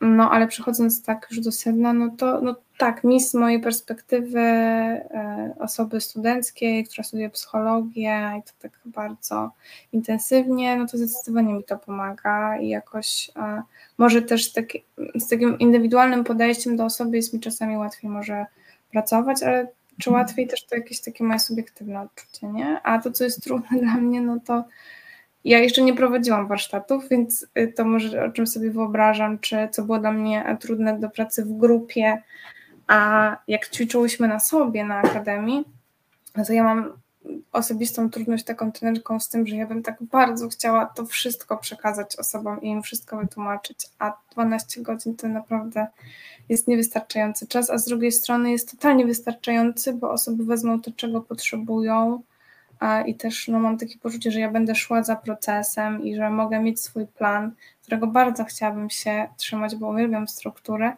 no ale jestem tam dla osób, więc jeżeli one będą potrzebowały zupełnie czegoś innego, no to tak, ja też mam na tyle rozległą wiedzę, że sądzę, że będę mogła e, im pomóc, wytłumaczyć, podpowiedzieć, e, poprowadzić. No a jeżeli nie, no to też powiem na przykład i na drugi dzień z czymś przyjdę, no bo też nie jesteśmy jakieś nieomylne czy wszechwiedzące. Zakładam, że też się będę bardzo dużo uczyć. A taką jeszcze jedną trudnością myślę to może być to, że no, na zdjęciach może się pojawić homofobia, transfobia, czy właśnie taka zinternalizowana mizoginia. No i to jest taka sytuacja trudna trenersko, w sensie takim, że no jednak trochę się tego nie spodziewam może na feministycznym warsztacie, ale z drugiej strony to ja mam feministyczne podejście, a osoby wcale nie muszą mieć. No. Wiem, że na warsztatach pojawiały się też zakonnice, czy osoby w ogóle niezwiązane z ruchem, e, co też jest super i w ogóle o to chodzi w Wendo dla mnie, nie? że to jest dostępne, e, że jest tolerancyjne, otwarte, inkluzywne. Nie wiem, czy odpowiedziałam na Twoje pytanie. Tak, tak. I jeszcze Litkę chciałam tutaj teraz podpytać. E, jak jakby wiedziałaś teoretycznie, bo o tym opowiadałaś w pierwszej części programu, że jakby już ileś lat się przyglądałaś temu Wendo i zanim poszłaś na pierwszy taki warsztat, no to i, i, i zdecydowałaś się na tą drogę trenerską, to już 20 lat gdzieś tam miałaś wiedzę, że jest Wendo i czym to się je. E, I co, co cię jakby rozłożyło na opadki, co zrobiło na tobie największe wrażenie podczas tej pierwszej takiej praktycznej sesji? E, to ja już o tym mówiłam. Najbardziej e, z Wendo wynoszę e, tę zmianę perspektywy, że uczymy się empatycznie słuchać, docenić perspektywę drugiej osoby, a nie narzucać, czy jakby przez swoje okulary patrzeć na świat. Po prostu wchodzimy w buty drugiej osoby i uczymy się usłyszeć tę osobę. E, I to było dla mnie rzeczywiście nowe doświadczenie, bo ja teoretycznie to umiałam, teoretycznie wiedziałam, że to jest ważne, a na Akademii Wendo przez te 10 zjazdów miałyśmy znakomitą okazję do przećwiczenia tego, tak jak Julio mówisz, na sobie. Także myśmy bardzo dużo tego ćwiczyły e, i teraz jak zapraszamy na trening Wendo uczestniczki, to też bardzo mocno już jesteśmy przygotowane do tego, żeby zostawić im ich przestrzeń. I to jest takie najcenniejsze dla mnie to zostawienie tej przestrzeni, bo e, my tego po prostu w Polsce nie potrafimy. Nie uczymy, mhm. nie jesteśmy tego uczone w szkołach, w rodzinie e, i po prostu tego nie potrafimy. Inaczej jest w Skandynawii, czy inaczej jest w edukacji niemieckiej. Tam jednak się tego uczy dzieci w szkołach, a już nawet w przedszkolu, szczególnie w Skandynawii, ale i w Niemczech. E, no i tak, no i tutaj trochę jednak mamy do zrobienia jeszcze w Polsce. Czyli oby ten minister Czarnek jak najszybciej już odszedł. Tak. To jest, e, to jest taka rzecz, która mnie też e, bardzo boli. Kiedyś powiedziałam e, na jakimś panelu, nie pamiętam co to było, ale zaproszono mnie do, do, do, panelu o szkole przyszłości. Ja tam mówiłam właśnie o szkołach demokratycznych, no o różnych szkołach alternatywnych dla tej państwowej szkoły. No i tam generalnie powiedziałam coś w rodzaju, coś w stylu, że ten polski system edukacji to najlepiej by wrzucić granat E, i zacząć budować na zgliszczach od nowa i e, powiedziałam coś takiego, że no cieszyłam się, że całe życie jakby uczyłam angielskiego, bo wiedziałam przynajmniej e, patrząc sobie codziennie rano w lustrze, że ja daję tym dzieciom i tej młodzieży, z którą pracuję, jakieś naprawdę przydatne narzędzie, wiecie, do życia, tak? Że ten angielski, no on no jest takim zasobem, taką kompetencją, która mi się faktycznie gdzieś tam w życiu jakoś przyda. Więc myślałam, Boże, jakbym miała uczyć jakiejś chemii w, w, gdzieś na takim niższym poziomie, gdzie ta chemia potem tak naprawdę być może w życiu się im absolutnie w ogóle do niczego nie przyda, to chyba bym naprawdę nie była w stanie przez 20 lat codziennie wstawać, patrzeć sobie rano w, w, w oczy w lustrze, e, wiedząc, że po prostu no, te dzieci tracą czas, ta młodzież traci czas, mogłaby coś, coś sensowniejszego z tym czasem zrobić, niż na przykład jakieś robić reakcje, e, rozwiązywać jakieś reakcje, czy jakieś proporcje, które no, pewnie w życiu nie wykorzystają. Ja nigdy w życiu nie wykorzystałam tego, co się do liceum, e, do matury e, nauczyłam z chemii, więc sobie no, powiedziałam coś takiego, to się nie, spo, nie spotkało z jakimś ciepłym przyjęciem pań chemiczek, oczywiście fizyczek i różnych innych, o których wspomniałam, no, ale taka jest prawda, że E, naukowcy oceniają, że tu w Polsce około 90 kilku procent rzeczy, których uczymy w szkołach do poziomu matury, to są rzeczy, które absolutnie się tej młodzieży potem w życiu nie przydadzą. Natomiast nie uczymy tego, o czym wy tutaj cały czas mówicie, trzymania sobie przestrzeni, e, empatycznego wysłuchania, bycia po prostu przy drugiej osobie. Nie uczymy tej umiejętności takiego przejścia od siebie do kogoś, bycia przy kimś, i tego, żeby ocenić, czy mam zasoby, żeby przy kimś być w tym momencie, czy muszę pozostać przy sobie. Porozumienia bez przemocy chociażby też nie uczymy. Ta psychoedukacja w polskich szkołach e, leży niestety, leży odłogiem, no i to się w najbliższym czasie nie, nie poprawi, więc faktycznie ściągajmy dla naszych dzieci jako rady rodziców gdzieś poza szkoły, y, wiecie, zawsze można wynająć salę poza szkołą i gdzieś takie warsztaty dla dzieci i młodzieży, dla dziewczynek i, i nastolatek przeprowadzić. No ja bym jeszcze chciała, żebyście powiedziały takim paniom, które teraz na przykład poczuły, że one by bardzo chciały na to wendo y, y, pójść i zobaczyć, czego się mogą spodziewać. Cieszę się, że Ewa powiedziałaś, że też dobrej zabawy, bo żeby się nie stało tutaj tak jakoś strasznie groźnie, żeby tutaj część naszych słuchaczek, widzek nam nie uciekła e, z, z, myślą taką, że nie, tam może być za ciężko, za trudno, za bardzo emocjonalnie, ja tego mogę nie udźwignąć. E, co trzeba wziąć poza jakimiś wygodnymi ciuchami na takie warsztaty ze sobą, poza dobrym humorem, jak to zwykle nauczyciele mówią, co, weź, co, co wziąć ze sobą dobry humor. No, z tymi wygodnymi ciuchami no, trzeba wytrzymać w tych ciuchach 6 godzin jednego dnia i 6 godzin drugiego dnia e, i ponieważ no, tam jest trochę tego ruszania się, no to tak się poleca, żeby ten strój był wygodny, ale mnie się zdarzało mieć uczestniczki w szpilkach, bo na co dzień chodziły w szpilkach e, i nawet e, to się jakoś tak kończyło śmiesznie, że na przykład te łapy trenerskie były niszczone przez te uczestniczki, już trudno.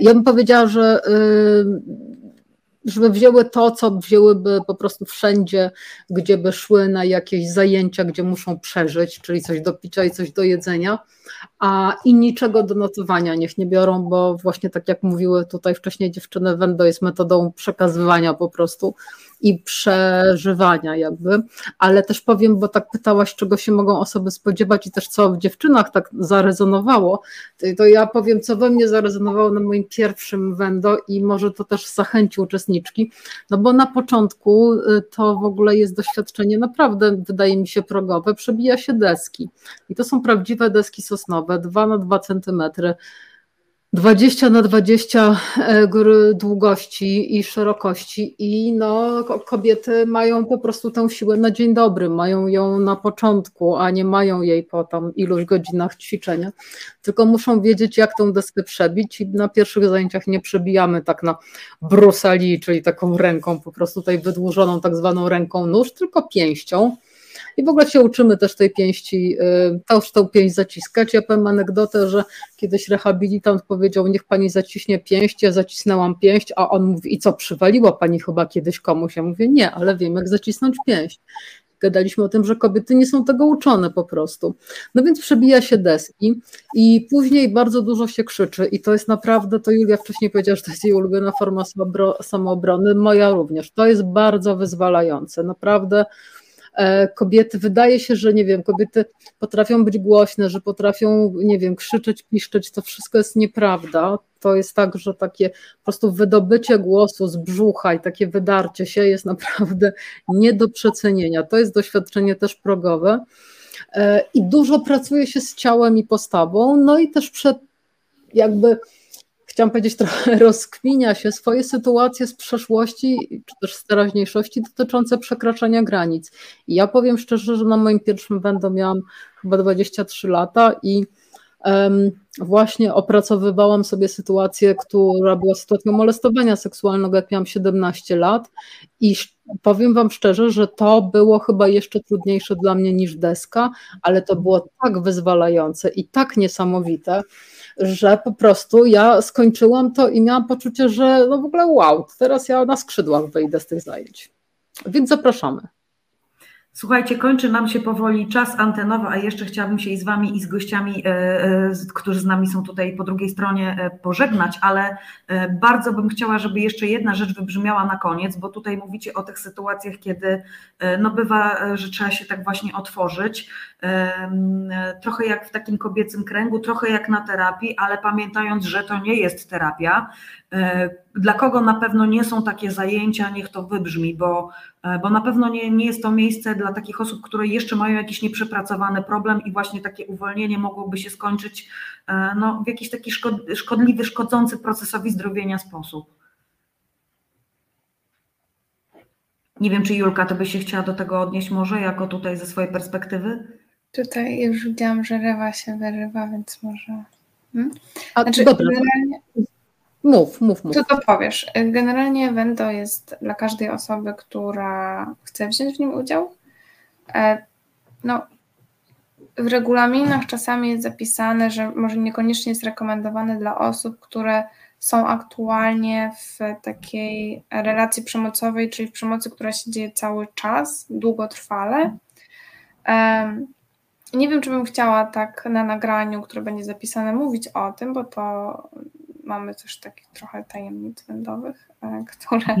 E, właśnie mają działać, e, znaczy mają być tajemnicą, żeby wędo działało i było skuteczne, ale no tak, w takim momencie warto byłoby się zastanowić, czy najpierw gdzieś nie udać się na interwencję kryzysową, żeby a przede mhm. wszystkim znaleźć się w bezpiecznym miejscu, tak, w którym po prostu ta przemoc już nam nie grozi, do którego możemy wrócić też po wendo, kiedy nam się mogą jakieś rzeczy pootwierać, kiedy możemy się poczuć e, no, bardzo pewnie, mm, żeby po prostu nie doszło do, do tragedii, że potem będziemy się chciało obronić, ktoś nam odda tak, że już więcej się nie będziemy nigdy mogło obronić i tutaj po prostu widzę takie zagrożenie. No ale z drugiej strony no też wendo jest umacniające i może pomóc w podjęciu decyzji o wyjściu z takiej relacji, więc tutaj nie ma takiego jednoznacznego jakiegoś zakazu czy, mhm. no, czy takiego bana. No, najważniejsze byłoby takie po prostu no, racjonalne zastanowienie się nad jakimiś plusami i, i minusami może uczestnictwa osoby, która jest w takiej sytuacji właśnie. Mhm. Okay. Tak, ja, ja właśnie to tylko bym to chciała podbić i powiedzieć, że w sytuacji, kiedy no bardziej na przykład jest potrzebna interwencja kryzysowa, tak, no to wiadomo, że wtedy będą nie, ale jeżeli już terapia, czy sytuacja kryzysowa jest ogarnięta jak najbardziej, tak, jeśli kobieta bierze na przykład jakieś um, psychotropy, które silnie oddziałują na nią, no to warto, żeby powiedziała to trenerce. To nie jest w ogóle przeciwwskazanie, tylko żeby powiedziała, że na przykład może się gorzej poczuć, żeby trenerka się nie domyślała, czy właśnie ktoś ma zawał, czy coś. Więc mhm. warto to powiedzieć. Warto też powiedzieć w ogóle o swoich różnych kontuzjach i takich różnych no, ograniczeniach w takim sensie, no właśnie, że jeżeli na przykład, nie wiem, ktoś ma cukrzycę, czy ktoś przeszedł, przeszła jakąś operację, ale nie ma takich um, twardych jakby przeciwwskazań. Przeciwwskazań zadaniem jest bycie cis mężczyzną. Tak. Czyli mężczyzną, który się zgadza ze swoją przypisaną przy narodzeniu tak. płcią. Tak. Dojaśnię, bo może ktoś e, nie tak. wiedzieć. E, bardzo, bardzo Wam dziękuję serdecznie za to, że poświęciłyście dziś wieczorem e, swój czas. No mam nadzieję, że jakoś e, zainteresowanie tematem Państwa, którzy nas dzisiaj oglądali, słuchali, wzrośnie. Może za chwilę to jakoś wpłynie tutaj mobilizująco i jakaś kolejna grupa się adeptek tej sztuki pięknej, pomagania sobie wzajemnie kobiety kobietom tutaj stworzy. Bardzo serdecznie zapraszam do kontaktu też z naszymi dzisiejszymi gościniami. Znajdziecie je wszystkie w, na Facebooku, E, tam są wszyscy, więc jeżeli macie jeszcze jakieś pytania konkretnie do którejś z gościń, to e, na Facebooku jak najbardziej przez Messengery można e, te pytania skierować. Można też oczywiście napisać do mnie, ja przekażę w razie czego na grupie resetariańskiej, naszej resetowej też Państwu mogę jakieś dodatkowe rzeczy jeszcze pokazać. Dziękuję serdecznie wszystkim. Mamy tutaj mnóstwo podziękowań też za to, że ciekawa jest audycja i że naprawdę super feministycznie dzisiaj jakoś to wybrzmiało. Bardzo się cieszę i chciałabym jeszcze ostatni raz podziękować pani Ewie Szabuniewicz, która jest dzisiejszą naszą producentką wykonawczą. Ja mam nadzieję, że pani Ewa jest usatysfakcjonowana.